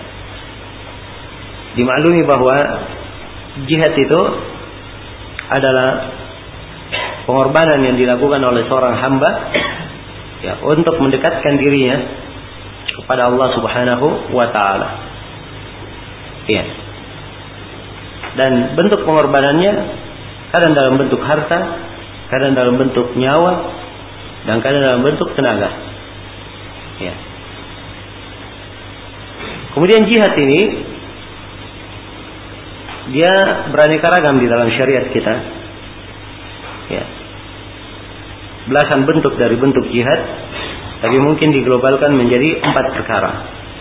Ya, jihad melawan diri sendiri, ada jihad melawan syaitan, ada jihad melawan apa arbabul fisq wal ma'asi dan ada jihad melawan al-kuffar dan kaum munafikin. Ini empat jihad. Ya. Ini dengan mana umumnya. Dan sini Asy-Syaukani rahimahullah beliau membahas jihad kaitannya dengan apa? Jihad memerangi orang-orang kafir. Harbi. Ini pembahasan khusus di dalam ahkam jihad yang diterangkan di sini. Sebab kalau bentuk-bentuk jihad yang lainnya dia tidak terkait dengan pembahasan ahkam jihad ini. Ya. Misalnya jihad melawan diri sendiri. Jihad melawan diri sendiri yang mempelajari ilmu, beramal dengan ilmu, mendakwakannya dan bersabar. Ini pembahasannya di mana? Ya. Dia masuk dalam buku-buku tauhid, buku-buku tentang ilmu, kemudian masuk dalam buku-buku tentang adab. Jelas ya? Ya. Jihad melawan syaitan, ya. Apakah dengan menolak syubhat atau dengan menolak syahwat? Jadi pembahasannya di mana? Ya, tidak harus dalam masalah ahkam, kan begitu. Saya di sini hukum diterangkan tentang rincian ya apa yang dilakukan di medan jihad itu. Ya. Dan ini subhanallah dalam melihat bagaimana rincian perang di dalam Islam dan melakukan peperangan ini apa akan menambah keimanan seorang hamba dan akan menambah kecintaannya kepada agamanya. Ya, sebab tidak ada di dalam satu tuntunan agama pun yang sama dengan Islam di dalam syariat jihadnya. Dalam syariat apa? Ya, memerangi. Jelas ya? Ya. Dan inilah yang sering di apa gembar-gemborkan oleh sebagian orang bahwa dalam Islam itu ada jihad, ada memerangi dan seterusnya. Ya. Dan mereka anggap itu sebagai kekerasan. Ya. Orang-orang yang menuduhnya pun, ya, mereka memaklumi bahwa mereka kalau dikatakan kekerasan mereka yang paling ya tidak ada aturan di dalam hal itu. Ya. Namanya seorang punya kekuatan, punya jati diri, berwibawa di depan musuh, itu adalah hal yang dituntut. Ya, supaya dia tidak digampangkan oleh orang lain. Ya, dan tidak memudahkan orang yang zalim berbuat kezaliman terhadap dirinya. Karena itu wajar kalau dia punya persiapan-persiapan dari sisi kekuatan, dari sisi tenaga, dari sisi fisik, ya, dan perlengkapan. Itu adalah wajar di dalam sebuah negara. Ya, sebuah negara ada persenjataannya. Ya. Dengan berbagai perangkat dan bentuk apa keamanannya. Itu adalah hal yang wajar untuk menjaga negara itu dan menjaga keamanannya. Ya, jelas ya? Menjaga keamanannya. Kalau semua hal ini dikatakan sebagai kekejaman, ya, maka tidak ada masalah yang muncul. Ya, inilah penafsiran sebagian orang. Dia mengambil kata-kata yang sebenarnya hanya ingin membakar kebencian orang saja. Ya, bukan kata-kata yang dia berbicara dengan akal sehat orang tersebut. Ya. Maka ini diperhatikan kaidah dalam memijak dalam melihat. Seorang itu ketika mendengarkan ucapan-ucapan, dia tidak terpengaruh dengan kalimat-kalimat yang datang atau dengan retorika di dalam penyampaian, tapi dia melihat bobot dari apa yang disampaikan. Yang penting dilihat bobot dari apa yang disampaikan, kebenaran apa yang disampaikan. Itu yang dia pelajari. Ya. Adapun retorika, retorika itu dimiliki oleh seluruh lapisan manusia, bahkan dimiliki oleh orang-orang kufar. Bahkan Fir'aun adalah orang yang paling hebat di dalam apa? Ya, berretorika dan berdebat. Ya. Bayangkan saking hebatnya, ya. Dia harusnya sudah KO, tapi masih bisa bicara. Ya. Iya, kisahnya dalam Al-Quran. Ya, tukang sihirnya semua masuk Islam, bersujud kepada Allah Subhanahu Wa Taala, mengakui kebenaran apa? Nabi Musa. Kalah tukang sihirnya. Harusnya apa Firaun? Sudah kau kan harusnya. Ya, tapi Subhanallah masih bisa bicara. Apa dia katakan? Sungguhnya kalian ini, ya, sungguhnya Nabi Musa ini, inilah sebenarnya pembesar kalian yang mengajari kalian sihir. Ya. Jadi cukup dengan kalimat ini, ya, bawahannya sudah bisa apa? Bisa dia pegang lagi, dia kendalikan lagi. Ya. Dan ini retorika yang seperti ini dari uslubnya Firaun, ini subhanallah ditekuni oleh sebagian orang. Ya. Ditekuni oleh sebagian orang. Ya. Dan menjadi masalah kalau retorika yang seperti ini dibawa di dalam berdakwah di jalan Allah. Ini yang repot. Ya. Sebab dia mengambil hal-hal uslub yang menggambarkan hanya mencari pendukung, ya mencari pengikut saja, tidak menggambarkan keikhlasan. Ya. Tidak menggambarkan dakwah itu ilallah hanya kepada Allah Subhanahu wa taala. Ya, demikian pula dalam seluruh hal yang lainnya yang berkaitan dengan kemaslahatan ya, umat di dalam pengaturan ya, Pengaturan itu sifatnya siasa di dalam bahasa syariat kita. Dia siasa. Ya, orang sekarang namakan dengan kata politik. Ya, tapi politik itu ini sebuah kata di masa ini yang bisa bermana baik dan bisa bermana apa? Bermana jelek. Ya. Tapi kalau siasa dia adalah hal yang bermana apa? Ya, bermana baik di dalam asal penggunaannya. Sebab siasa itu adalah dia mengatur ya. Mengatur masyarakat ya dengan aturan-aturan yang membuat mereka baik dan membuat mereka apa? Sejahtera. Itulah siasat ya. Dan agama ini seluruh tuntunannya dia mengatur kesejahteraan apa? Kesejahteraan manusia. Ya jelas ya?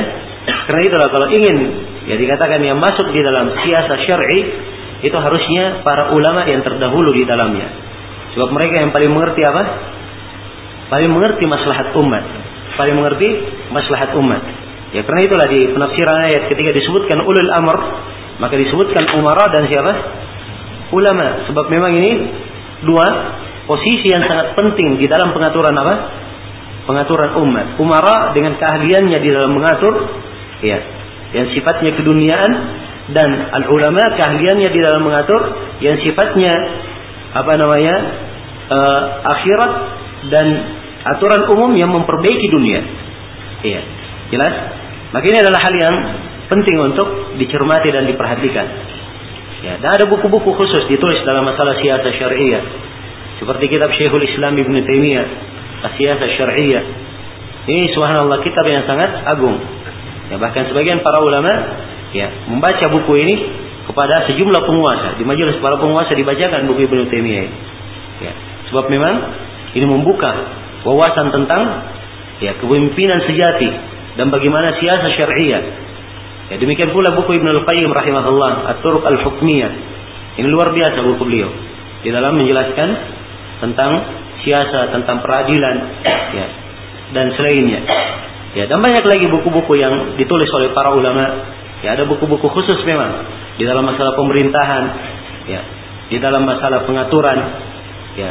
Kemudian bahkan ada kadang buku khusus, ya kadang diutus tentang masalah hubungan dengan negara yang lain, ya. Adanya utusan-utusan, duta-duta besar yang dikirim, ya. Khusus buku yang menjelaskan tentang apa? Tentang masalah ini. Ini menunjukkan lengkapnya syariat kita di dalam menjelaskan dan mengatur tuntunan. Ya, baik. Maka ini secara umum, ya, Pembahasan yang berkaitan dengan masalah apa? Berkaitan dengan masalah jihad. Iya.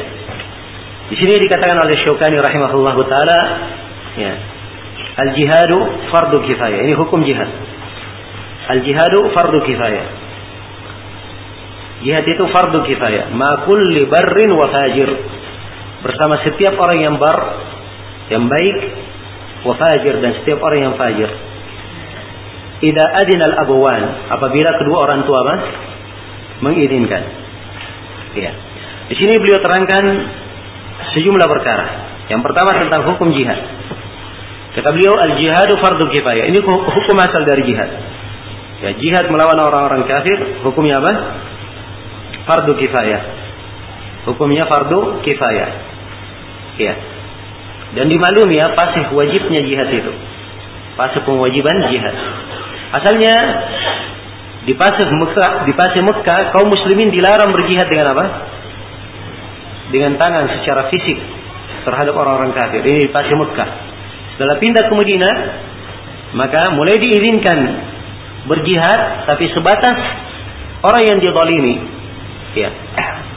Udina lil ladina apa yuqataluna bi annahum dulimu.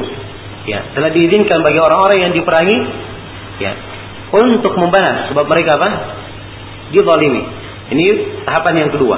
Tahapan yang ketiga diizinkan jihad itu hanya sebatas orang-orang yang dekat saja. Ya. Waqatilul ladzina yalunakum minal kuffar. Ya. Dan perangilah siapa yang berada di sekitar kalian dari orang-orang kafir. Kemudian setelah itu fase berikutnya dibuka seruan jihad itu secara umum. Ya. Dan sudah menjadi apa namanya? ketentuan untuk para sahabat sebab mereka sudah terpenuhi syarat-syarat. Maka ini fase-fase jihad. Dan di fase jihad ini ya, tidak dikatakan bahwa ya, tiga fase sebelumnya sudah terhapus hukumnya. Yang ada cuma apa? Cuma berperang saja. Ini keliru. Tapi dikatakan bahwa tahapan-tahapan jihad ini ini sesuai dengan kondisi dan keadaan apa? Kaum muslimin. Kalau di kondisi kaum muslimin punya kekuatan, maka jihad dengan fisik itu lebih afdal. Tapi di kondisi kaum muslimin lemah, maka jihad dengan hujjah dan keterangan itu lebih apa? Lebih afdal.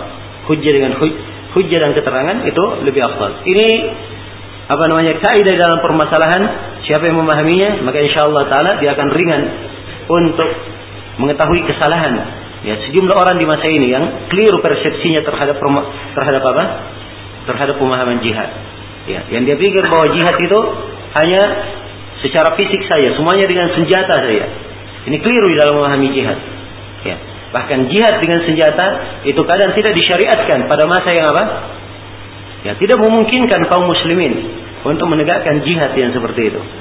Jelas ya? Baik. Karena itu Syekh Ibn Utsaimin, Syekh Al-Albani dan selainnya mengatakan bahwa ini masa kaum muslimin lemah. Siapa yang menyuruh kaum muslimin untuk menegakkan jihad, maka ini adalah berarti dia menyuruh kaum muslimin untuk jatuh di dalam kebinasaan. Ya, jatuh di dalam kebinasaan. Dan ini adalah hal yang dimaklumi. Ya, tapi bukan artinya ucapan mereka menggugurkan jihad. Tidak. Tapi mereka berucap seperti itu melihat keadaan saat ini. Melihat keadaan apa? Saat ini. Dan keyakinan kaum muslimin pasti akan tetap menegakkan apa? Jihad. Akan datang masanya. Mereka akan tetap menegakkan jihad. Sebab ini dikabarkan oleh Nabi Sallallahu Alaihi Wasallam. Ya, kemudian pembahasan yang kedua kewajiban jihad bersama penguasa. Ya, Kewajiban jihad bersama penguasa. Baik, sebelum saya lanjut, jihad hukum asalnya adalah apa? Fardu kifayah. Fardu kifayah artinya wajib kalau telah ditegakkan sebagai ditegakkan oleh siapa? Jumlah kaum muslimin yang telah cukup. Tapi para ulama mengatakan bahwa jihad menjadi fardu ain pada empat keadaan. Keadaan yang pertama, apabila imam kaum muslimin memerintah untuk berjihad. Imam kaum muslimin memerintah untuk apa? Berjihad. Ya, kalau ada perintah dari imam kaum muslimin, ini hukumnya wajib. Ya, bukan menjadi apa? Bukan menjadi fardu kifayah. Ya.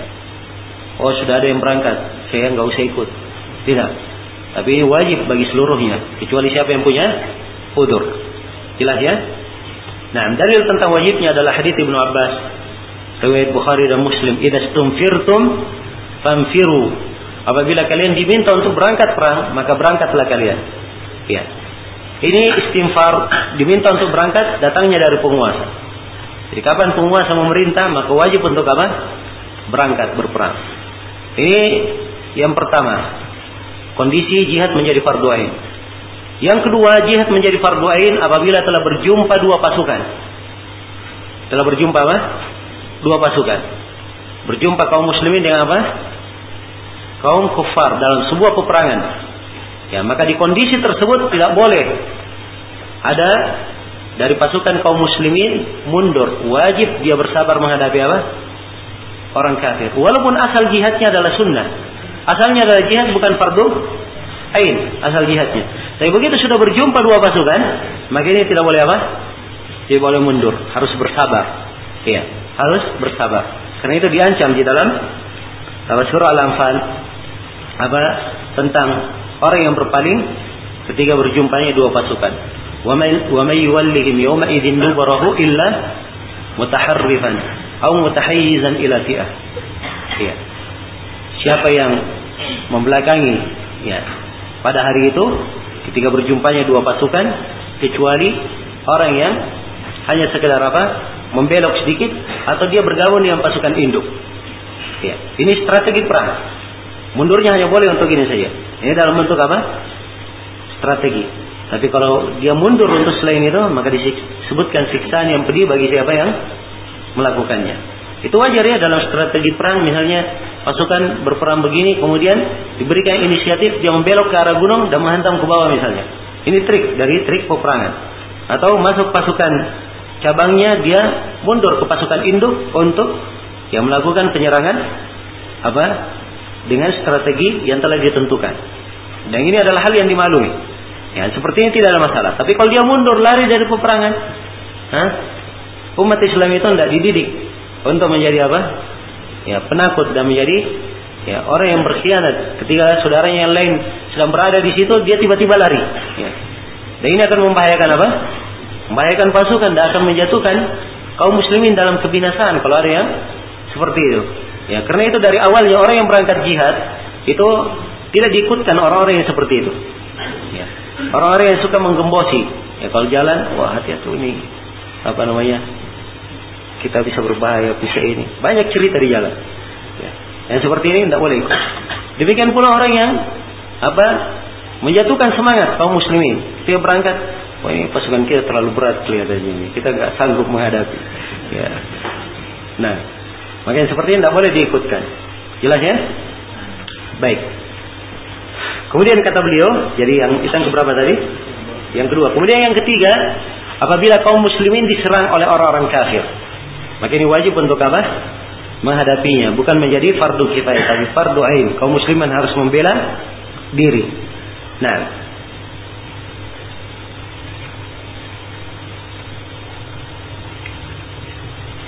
Kemudian di keadaan yang keempat itu disebutkan Ya, oleh Syekh Ibn Utsaimin diambil dari kata fardu ain. Apa fardu kifayah? Fardu kifayah itu ya, kalau sudah ada yang menegakkan, maka dia menjadi apa?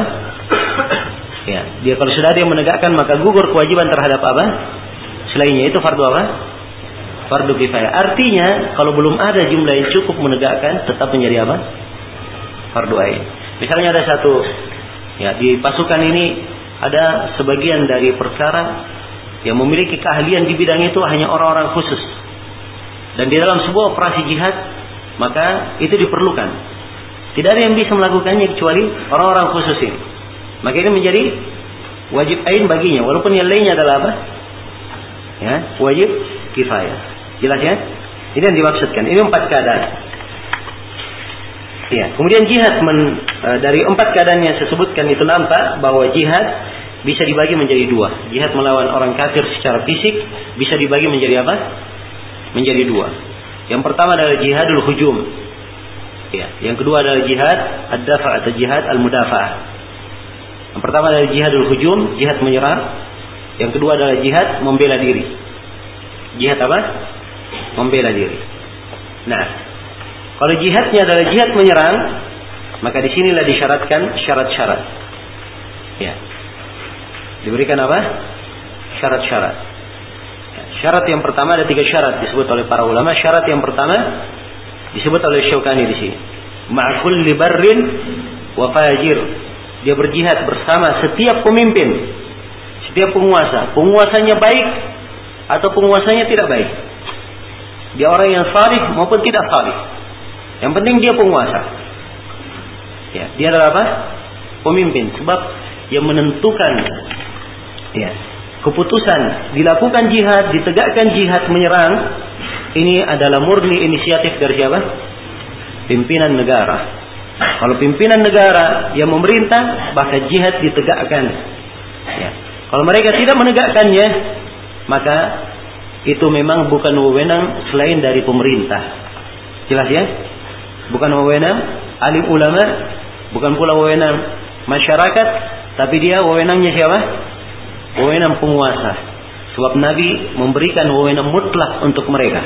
Di dalam hadis Abu Hurairah yang diriwayatkan oleh Imam Al-Bukhari dan Imam Muslim, Rasulullah sallallahu alaihi wasallam bersabda, "Innamal imamu junnah yuqatalu min waraihi."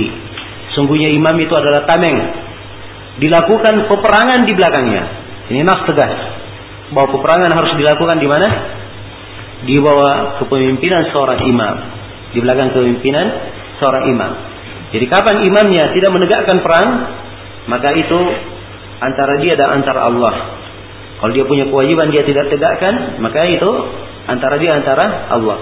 Ya, kalau memang tidak mampu menegakkannya, maka ini adalah udur dan termasuk kebijaksanaan dan amalan saleh ya dari pemimpin ini melihat kemaslahatan umat. Ya, tapi harusnya dia mengarahkan umat dan memperbaiki umat supaya bisa menegakkan apa? Ya, jihad ini yang merupakan tonggak kemuliaan agama dan kemuliaan kaum muslimin. Jelas ya? Baik. Ini syarat yang pertama. Jadi syarat yang pertama dalam jihad menyerang harus bersama apa? Setiap pemimpin. Ya. Dan tidak disyaratkan pemimpin itu harus salih, tidak disyaratkan. Ya. Sebab ini terkait dengan apa? Terkait dengan agama dan dunia kaum muslimin sekaligus. Ya.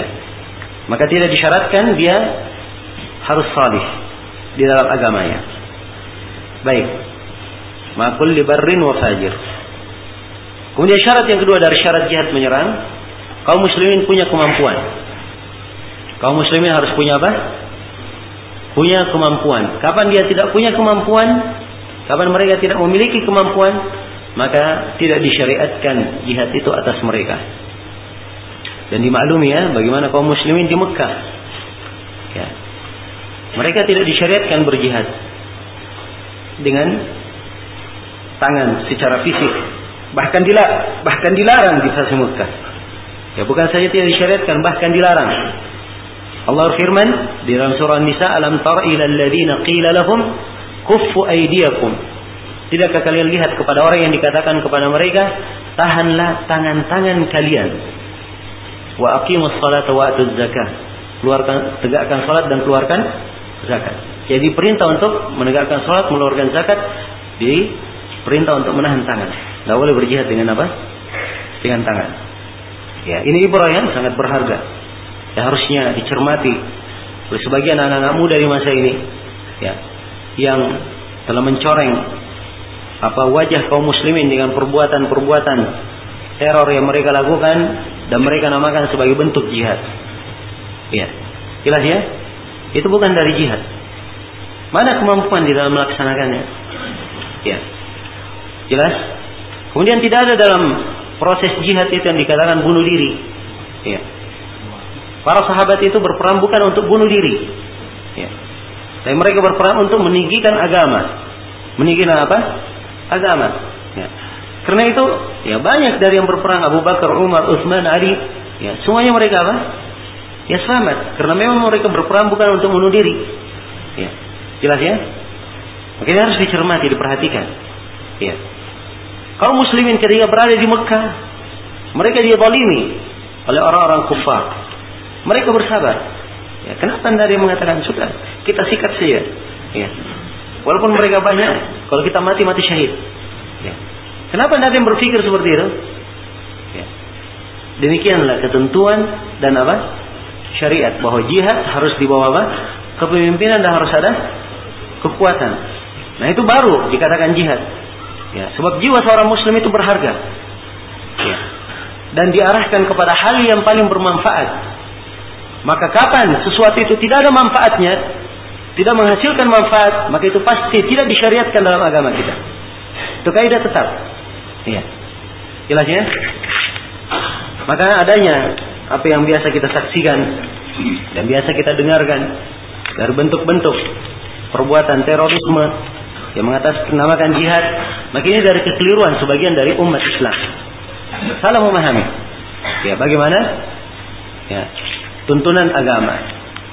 Dan repotnya lagi, mereka di sini berkelahi dengan pihak yang lainnya.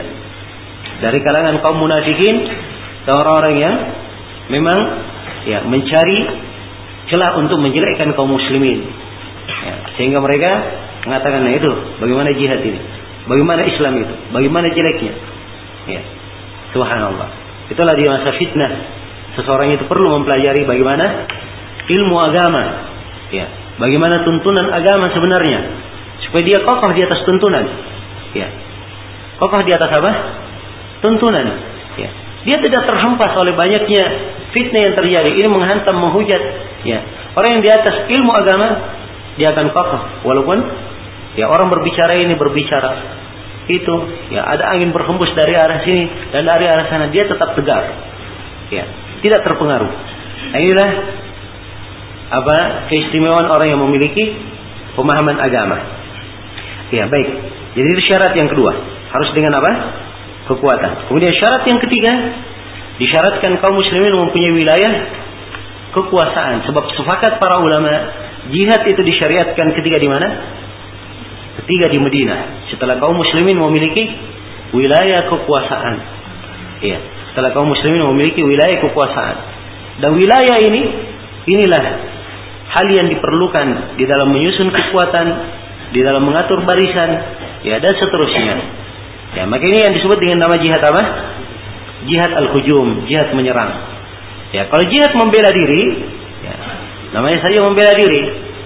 Kalau dia diserang maka dia apa? Membela dirinya. Dan kalau dia mati dalam membela dirinya maka dia dihitung apa? Mati syahid. Sebagaimana yang ditunjukkan dalam sejumlah hadis. Iya.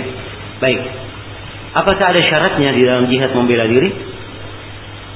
Ya, secara umum memang tidak ada syaratnya. Karena itu Syekhul Islam berkata, ya, la yushtaratu fihi ayyu syart. Tidak disyaratkan di dalamnya syarat apa pun.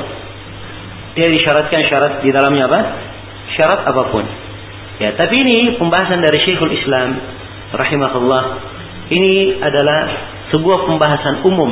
Kalau masuk di dalam cabang-cabang permasalahannya, beliau sering menyebutkan syarat walaupun di dalam apa? Walaupun di dalam jihad membela diri.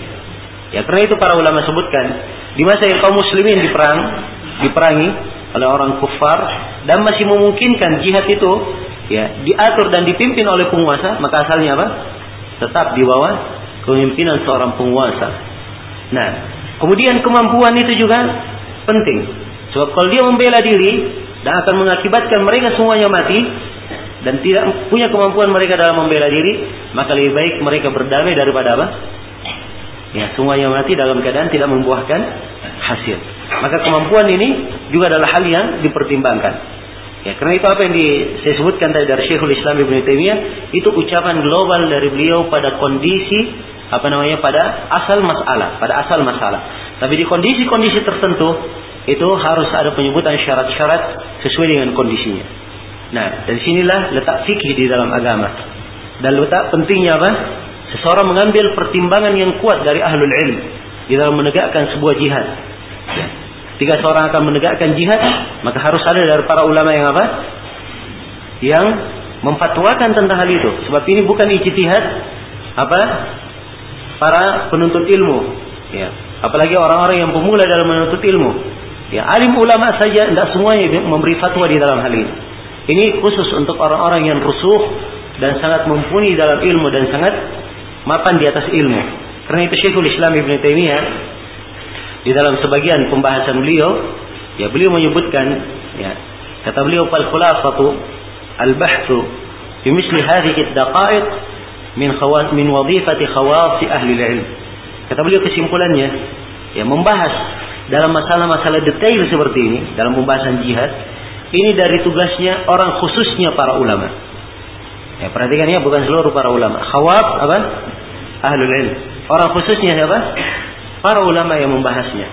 Ya, sebab memang banyak sekali ya rincian dan banyak hal yang harus diperhatikan di dalamnya. Nah, baik selesai ya pembagian jihad ini. Juga telah kita bahas kewajiban jihad bersama penguasa. Kemudian kata beliau, ida adinal abuwan. Ini izin kepada orang tua untuk berjihad. Kalau jihadnya fardu kifayah, maka harus diizinkan oleh apa? Oleh orang tua. Tapi kalau jihadnya fardu ain, yang namanya fardu ain itu adalah kewajiban. Ya, itu adalah apa? Kewajiban. Jadi izin kepada orang tua wajib.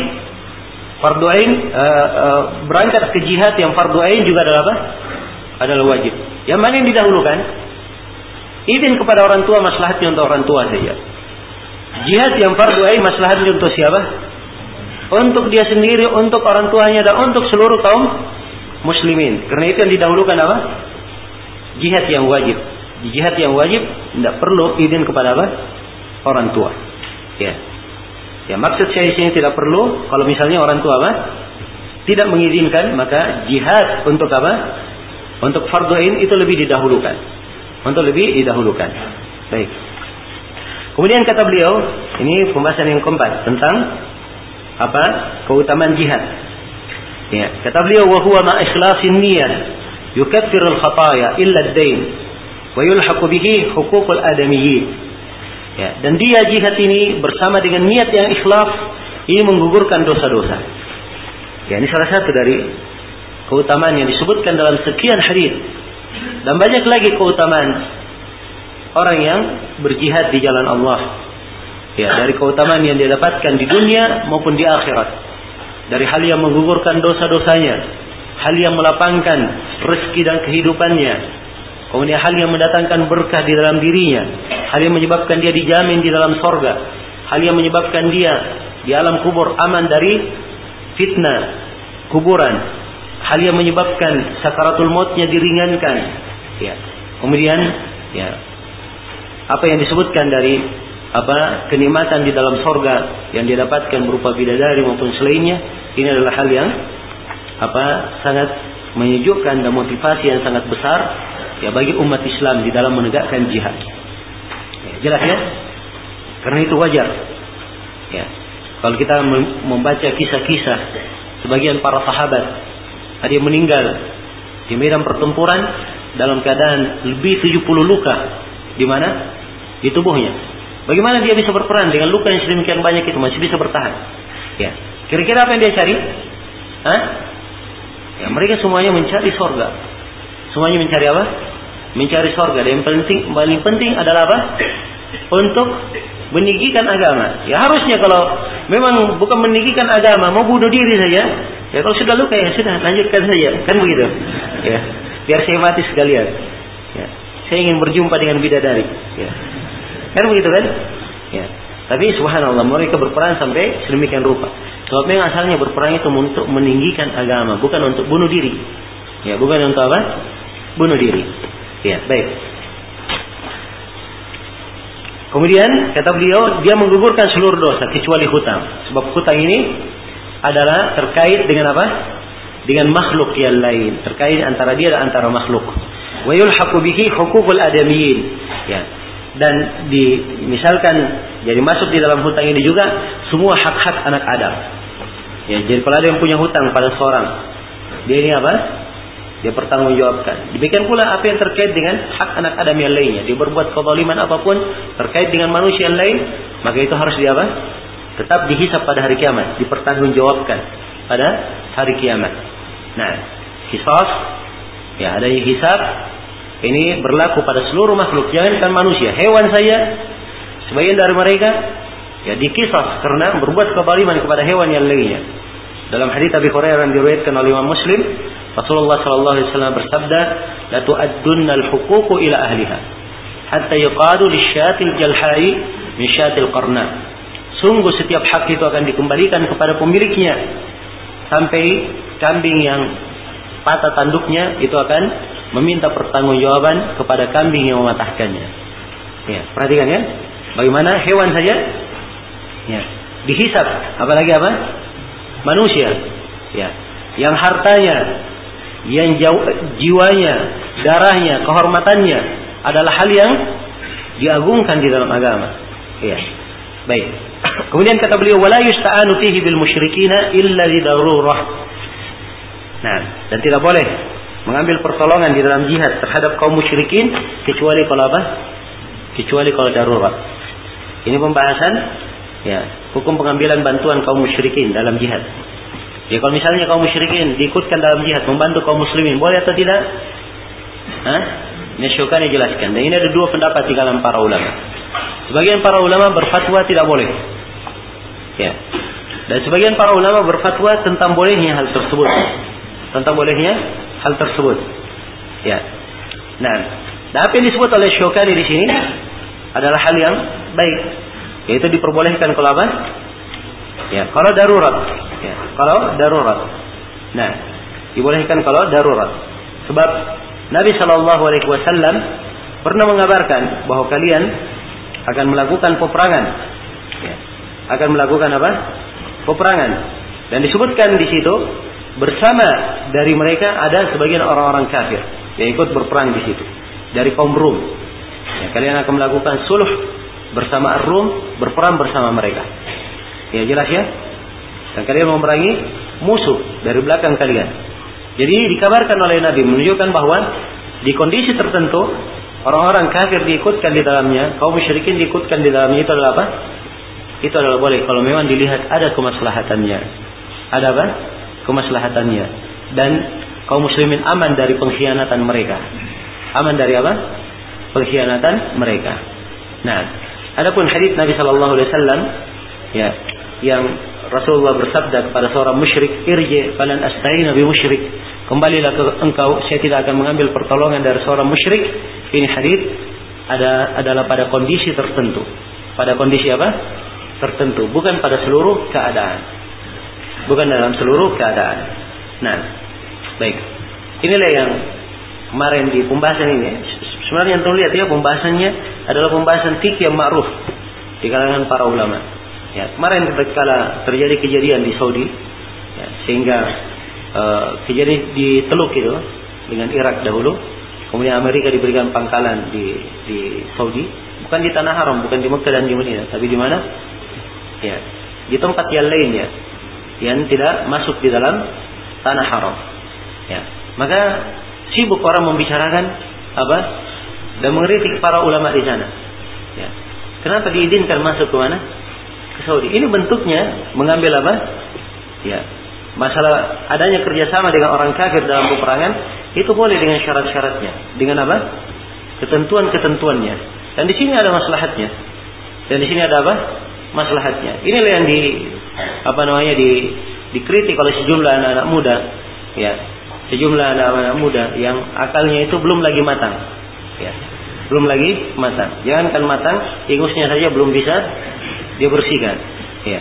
Kemudian ingin mengkritik ulama yang sudah putih rambutnya di atas keimanan dan ketakwaan, ya di atas mempelajari ilmu dan memfatwakannya kepada manusia. Ya. Subhanallah ribut di masa itu, ribut sekali. Ya. Tapi apa yang terjadi? Setelah itu aman negara. Ya, hilang sudah masalahnya, kembali aman, baru mereka sadar. Ya, bahwa memang ulama ini ya tidak sembarangan mereka di dalam memberikan apa? memberikan fatwa dan melihat kemaslahatan bagi umat. Ya. Demikianlah di masa fitnah itu. Seperti yang dikatakan oleh Hasan Al-Basri, "In hadhihi al-fitnah idza aqbalat arafaha kullu alim wa idza adabarat arafaha kullu jahil." Sungguhnya fitnah ini kalau datang akan diketahui oleh setiap orang yang berilmu. Orang yang berilmu baru fitnah terjadi, baru mau terjadi dia sudah tahu. Ini akan terjadi fitnah, penyelesaiannya begini dan begini. Tapi kalau jahil, nanti kalau fitnahnya sudah terjadi, ya dalam menimbulkan berbagai kerusakan, oh baru dia tahu. Oh rupanya sekarang lagi terjadi fitnah. Ya, demikian. Jelas ya? Maka di sini perbedaan antara ya, pandangan orang yang berilmu dan orang yang tidak berilmu. Karena itulah rujuk kepada ulama itu adalah hal yang merupakan kewajiban umat Islam.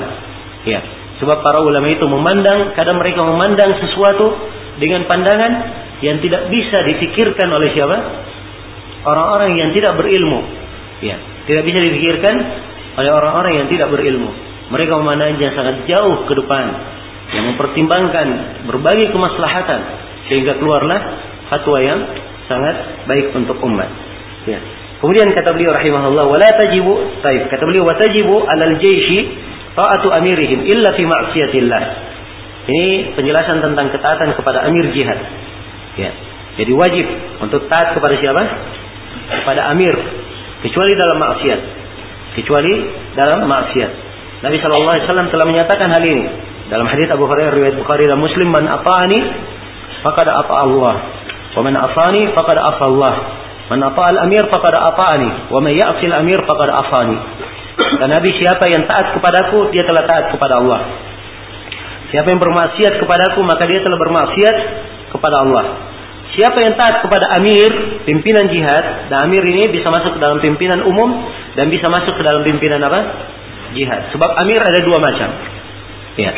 Ada amir umum, itulah yang disebut dengan nama Amirul Mukminin. Kadang dibahasakan dengan bahasa imam, ya. Imam kaum muslimin, kadang dibahasakan dengan bahasa khalifah. Ya. Jelas? Dan kadang dibahasakan dengan bahasa uh, sultan. Ini apa? pimpinan umum. Dan ada amir, dia amir khusus. Ya. Apakah amir? Ya, gubernur yang diangkat oleh pimpinan umum atau dia amir bermana pimpinan perang ya yang hanya khusus dijadikan pimpinan di dalam sebuah operasi jihad atau dia amir di dalam safar di dalam apa di dalam perjalanan iya kalau amir di dalam safar ini lain bentuknya. Yang terkait dengan pemerintahan adalah selain yang telah kita sebutkan tadi. Jadi ini pembahasan tentang amir-amir. Kalau ada yang paham ini, sudah dipahami tentang masalah amir ini, maka ini akan apa menghilangkan sejumlah kekeliruan di dalam memahami seputar masalah kepemimpinan. Ya, seputar masalah kepemimpinan. Jadi imarah tidak keluar dari pembahasan ini. Jelas ya? Baik. Jadi siapa yang taat kepada amir, maka dia telah taat kepada aku kata Nabi. Siapa yang bermaksiat kepada amir, maka dia telah bermaksiat kepada aku. Ya. Jadi pimpinan jihad itu harus ditaati. Ya, sebab itulah kemaslahatan. Ya, kalau dia ditaati, maka gimana kondisi pasukannya? Ya. Amirnya mau jalan ke barat, pasukan mau jalan ke timur. Ya. Amirnya inginnya strateginya ya pukulnya dari samping kanan, ya pasukannya tidak mau. Ya, dia maunya dari depan saja. Ya. Dan ini tentunya apa? Ya, tidak wajar. Itulah letak dan fungsi apa? Pemimpin. Ya. Dia adalah penentu kebijaksanaan, menyatukan hati dan menyatukan kekuatan. Ya, jelas ya? Karena itu disyaratkan pada pemimpin itu syarat-syarat yang dengannya bisa apa? Bisa menciptakan kemaslahatan bagi umat.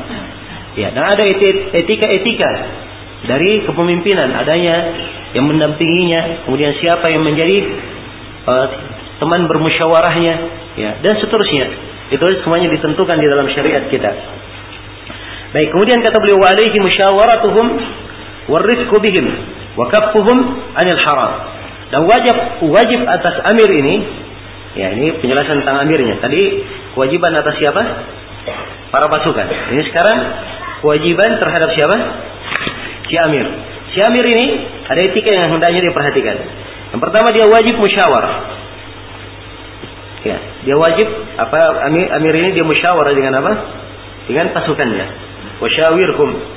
Ya, dan ambillah musyawarah dari mereka. Ya. Dan bermusyawarah ini adalah hal yang indah, hal yang bagus. Wasyawirhum fil amr. Ya, bermusyawarah kalian dalam perkara, perkara apa pun. Ya, dengan adanya musyawarah, maka ini akan apa uh, memberikan kesimpulan yang lebih baik. Ya, kesimpulan yang lebih baik. Ya, tapi penentuan secara mutlak dipegang oleh siapa? Dipegang oleh amir. Kemudian kata beliau warif kubihim dan dia wajib berlemah lembut kepada siapa? Kepada pasukannya. Ya, di dalam Sahih Muslim dari hadis Aisyah Rasulullah wasallam bersabda, "Allahumma man waliya min amri ummati syai'an farafiqa bihim farfuq bih." Ya Allah siapa yang apa memegang sebuah perkara dari umatku ada memimpin sebuah perkara dari umatku lalu mereka berlemah lembut di dalamnya maka berlemah lembutlah kepadanya ya. dan sebaliknya wa man waliya min amri ummati syai'an fashaqqa alaihim fashquq alaih ya Allah siapa yang ada yang memegang kepemimpinan dari umatku kemudian mereka memberatkan umatku maka beratkanlah dia ya maka di sini kewajiban seorang pemerintah seorang pimpinan itu harus berlemah lembut ya kepada rakyatnya dan mengarahkan mereka kepada rakyatnya atau kepada pasukannya dan mengarahkan mereka kepada hal yang terbaik. Kemudian wakafuhum anil haram. Ya, dan dia harus jaga. Dia harus menjaga apa? pasukannya jangan sampai mendekati hal yang haram. Ya, jangan sampai dia mendekati hal yang haram.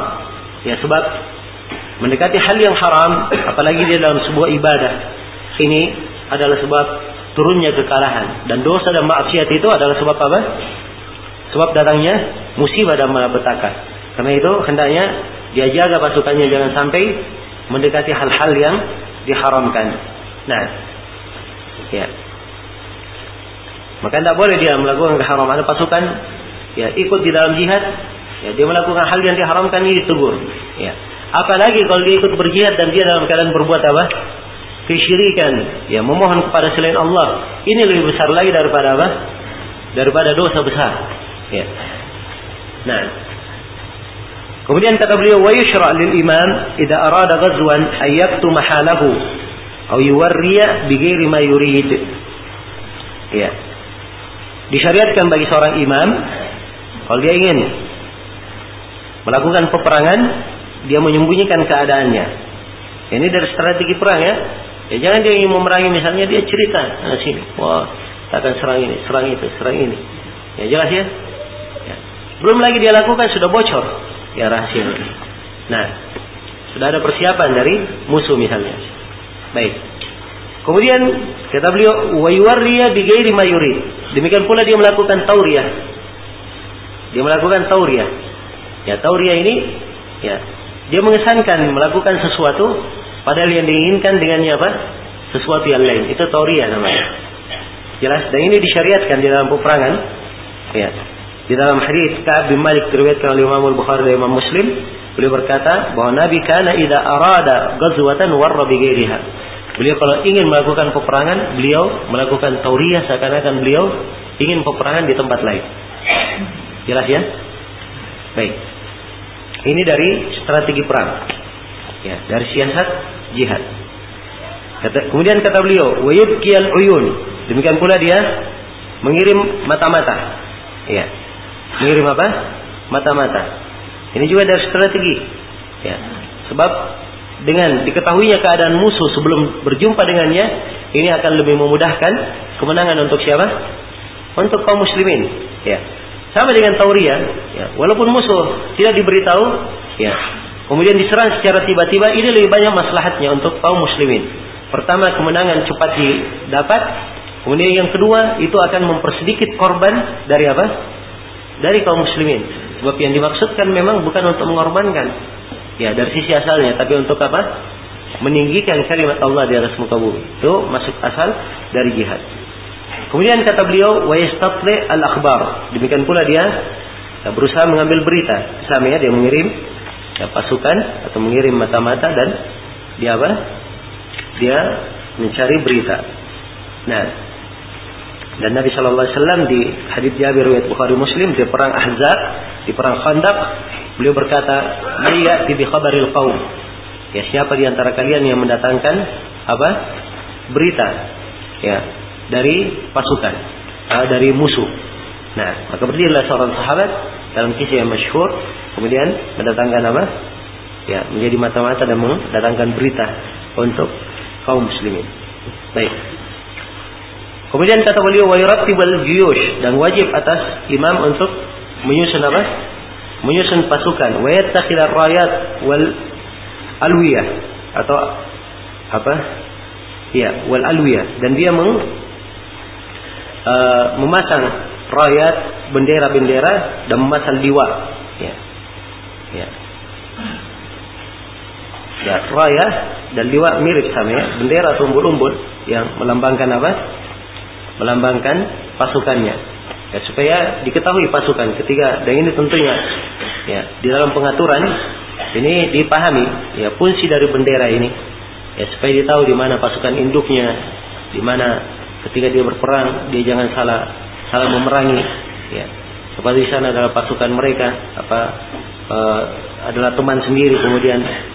Akhirnya dia salah dia keliru dalam hal itu. Ini dalam kondisi-kondisi tertentu diperlukan. Jelas ya? Karena itu di, di apa namanya di perang uh, apa namanya Hunain ya setelah kaum muslimin ya dan juga di perang di perang di perang Uhud ya setelah apa adanya sebagian uh, kesalahan yang terjadi, maka cara mengumpulkan kaum muslimin dengan cara apa? Melihat kepada bendera supaya diatur kembali pasukannya. Nah, dan ini bukan strategi mutlak ya. Ini dilihat dan dipertimbangkan oleh siapa? Pemimpin. Ya, mengatur pasukan itu penting ya, untuk diarahkan sesuai dengan apa apa yang uh, maslahat untuk mendapatkan kemenangan. Kemudian kata beliau watajibud da'watu qabla al-qital ila ihda salat sifat. Dan sebelum memerangi wajib untuk mendakwahi. Ya, diajak kepada tiga hal. Nah, ini perhatikan ya syariat dari jihad. Jadi jihad menyerang, tidak boleh di langsung menyerang orang kafir sebelum apa? Dilakukan fase-fasenya. Yang pertama disuruh, ya, dia disuruh kepada tiga hal. Apakah dia menerima keislaman? Diajak dulu masuk Islam. Ya. Kalau dia terima, mereka adalah saudara kita. Kalau mereka tidak terima, maka diminta mereka membayar jizyah. Ya. Mereka tunduk di bawah kaum muslimin membayar upeti kepada kaum muslimin setiap tahunnya. Kalau mereka tidak terima, maka diperangi. Maka dia apa? Diperangi. Ya, tetap diajak. Dan ini menunjukkan bahwa jihad ini adalah dakwah di jalan Allah. Dia adalah apa? Bentuk dari apa? Dari dakwah mengajak kepada agama. Berarti dia adalah salah satu wasilah dari wasilah apa? Wasilah dakwah. Jelas ya? Kalau dia adalah sebuah wasilah dari wasilah dakwah, berarti dia bukan apa? Dia bukan goya. Ya, bukan goya, bukan tujuan utama. Iya. Jadi kalau wasilah, kapan wasilah tersebut tidak bermanfaat, maka harus dicari wasilah yang lain. Jelas ya? Nah ini penyebutan akar masalah namanya. Supaya kita tahu akar jihad itu pensyariatannya apa. Jangan dipahami bahwa dia adalah apa? Adalah gaya. Sebab kalau gaya itu tidak bisa diganti. Ya, jelas? Tapi kalau dia wasilah, wasilah itu adalah pengantar untuk mewujudkan sesuatu. Ya, mungkin itu yang dipakai, mungkin dipakai selainnya. Mungkin yang dipakai adalah apa? Selainnya. Iya. Dan dalil tentang hal ini harus disuruh pada tiga perkara sebelum diperangi. Ini adalah hadis yang masyhur dari hadis Buraidah diriwayatkan oleh Imam Muslim rahimahullah taala. Disebutkan karena Rasulullah sallallahu alaihi wasallam tidak amara amiran ala jayshin aw sariyatin aw sahu fi khaffatihi bi taqwallah wa man ma'ahu minal muslimin khairan. Adalah Nabi sallallahu alaihi wasallam apabila Ya. Beliau mengangkat seorang amir terhadap seorang terhadap pasukan, pasukan besar maupun syariah ataupun pasukan kecil. Ya, alsahu fi khassatihi. Maka Nabi memberikan nasihat khusus pada mereka, wasiat khusus untuk bertakwa kepada Allah dan demikian pula siapa yang bersamanya dari kaum muslimin. Kemudian setelah itu Nabi berkata, "Ubzu bismillah." Berperanglah kalian dengan nama Allah. Diingatkan semuanya dengan apa? Nama Allah. Supaya pasukan ini jangan bersandar pada dirinya, merasa punya kekuatan, harus diingatkan dengan nama Allah. Fi sabilillah, di jalan Allah diingatkan. Maksud dari jihad adalah fi sabilillah. Qatilu man kafara billah. Ya, perangilah orang yang orang yang kafir kepada Allah. Ugzu, perangilah wala tagullu wala tabdiru wala tumathilu wala taqtulu walidan. Ya, jangan kalian melakukan gulul, merampas apa? E, mencuri rampasan perang dan jangan kalian melakukan qadar, berkhianat. Ya. Dan jangan kalian melakukan tamsil. Ya, tamsil ini ya, dia memotong-motong apa? musuh.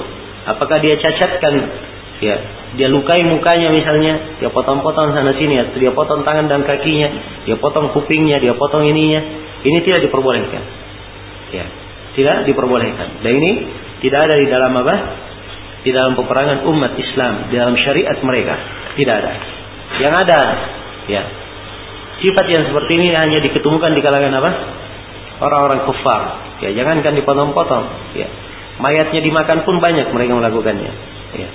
Jelas? Dan ini menunjukkan apa?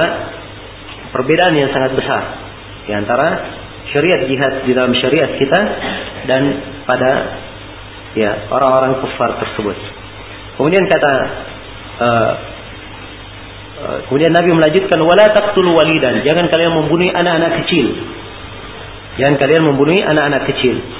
Kemudian setelah itu Nabi sallallahu alaihi wasallam bersabda wa idza laqita aduwaka minal musyrikin fad'uhum.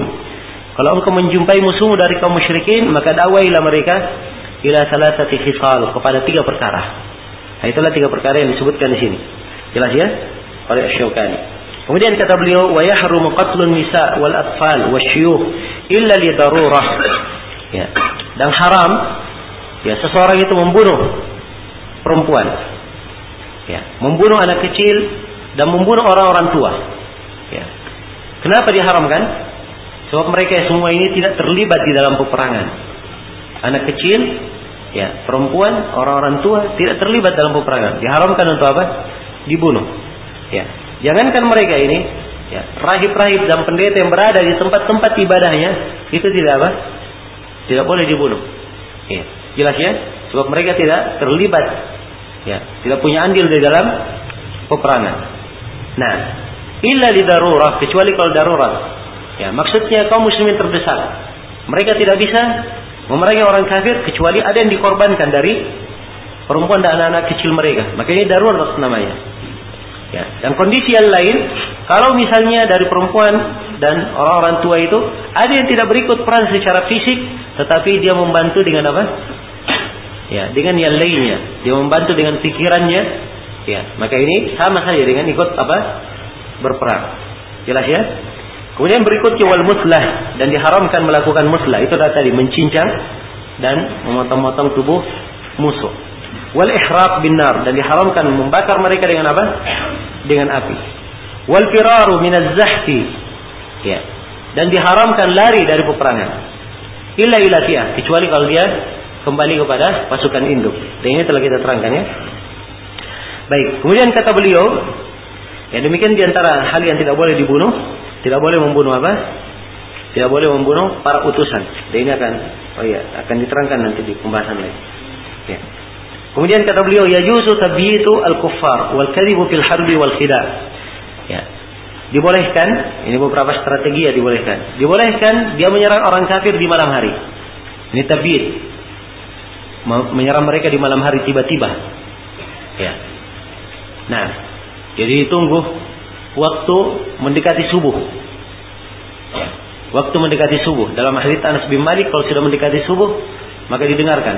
Kalau terdengar suara adan ditahan dari mereka. Kalau tidak terdengar maka diperangilah mereka secara apa? Tiba-tiba. Dan faidah memerangi mereka secara tiba-tiba ini adalah apa? Ya, sangat besar dalam jihad. Sebab mereka biasanya di di di malam hari itu dalam keadaan apa? dalam keadaan lalai. Ya, dalam keadaan lalai. Maka apabila dilakukan peperangan di kondisi ini, ini akan memudahkan kemenangan untuk kaum muslimin dan mempersedikit korban. Ya, yang jatuh dari apa? Kaum muslimin. Ini di antara manfaatnya. Kemudian wal kadhib fil harb. Ya. Dan dibolehkan untuk dusta di dalam peperangan. Sebab Nabi Shallallahu Alaihi Wasallam berkata, ya, apa? Al harbu, ah, Kata beliau al-harbu khuda'ah. Ya, peperangan itu adalah tipu daya. Nah, ini diizinkan, ya. Ini diizinkan. Baik al-khida lain lagi ya, disebutkan al-khida al-harbu khuda'ah. Al-kadhib juga boleh. Dia berdusta juga apa? Boleh di dalam peperangan. Dan ini dari hal yang diizinkan. Hal yang diizinkan. Nah, seperti yang disebutkan dari Ali bin Abi Thalib radhiyallahu taala anhu, ya, beliau pernah ditantang duel oleh apa pasukan musuh. Sebab dulu di peperangan ya ada kebiasaan duel sebelum apa? Sebelum berperang. Jadi masuk ya maju putusan dari dua pasukan kemudian duel ya. Maka Ali radhiyallahu taala anhu waktu itu duel dengan seorang ya. Beliau maju beliau tidak melepas pedangnya. ya orang ini sudah melepas pedangnya Ali masih tenang saja ya beliau berkata saya maju ke sini bukan untuk menghadapi dua orang. Ya. Maka orangnya ini di depan dia menyangka bahwa ada orang lain yang ikut bersamanya. Dia pun menoleh. Begitu dia menoleh, dia tebas kepalanya oleh Ali. Ya. Jelas ya? Dan ucapan Ali benar. Dia maju bukan untuk menghadapi apa? Dua orang. Dia tidak berkata kamu kenapa berdua? Tidak. Jelas ya? Baik. Maka yang seperti ini disebut dari bentuk sidak dalam peperangan ini diperbolehkan. Baik. Ya, saya kira cukup dalam sini sudah terlalu waktunya 10 menit.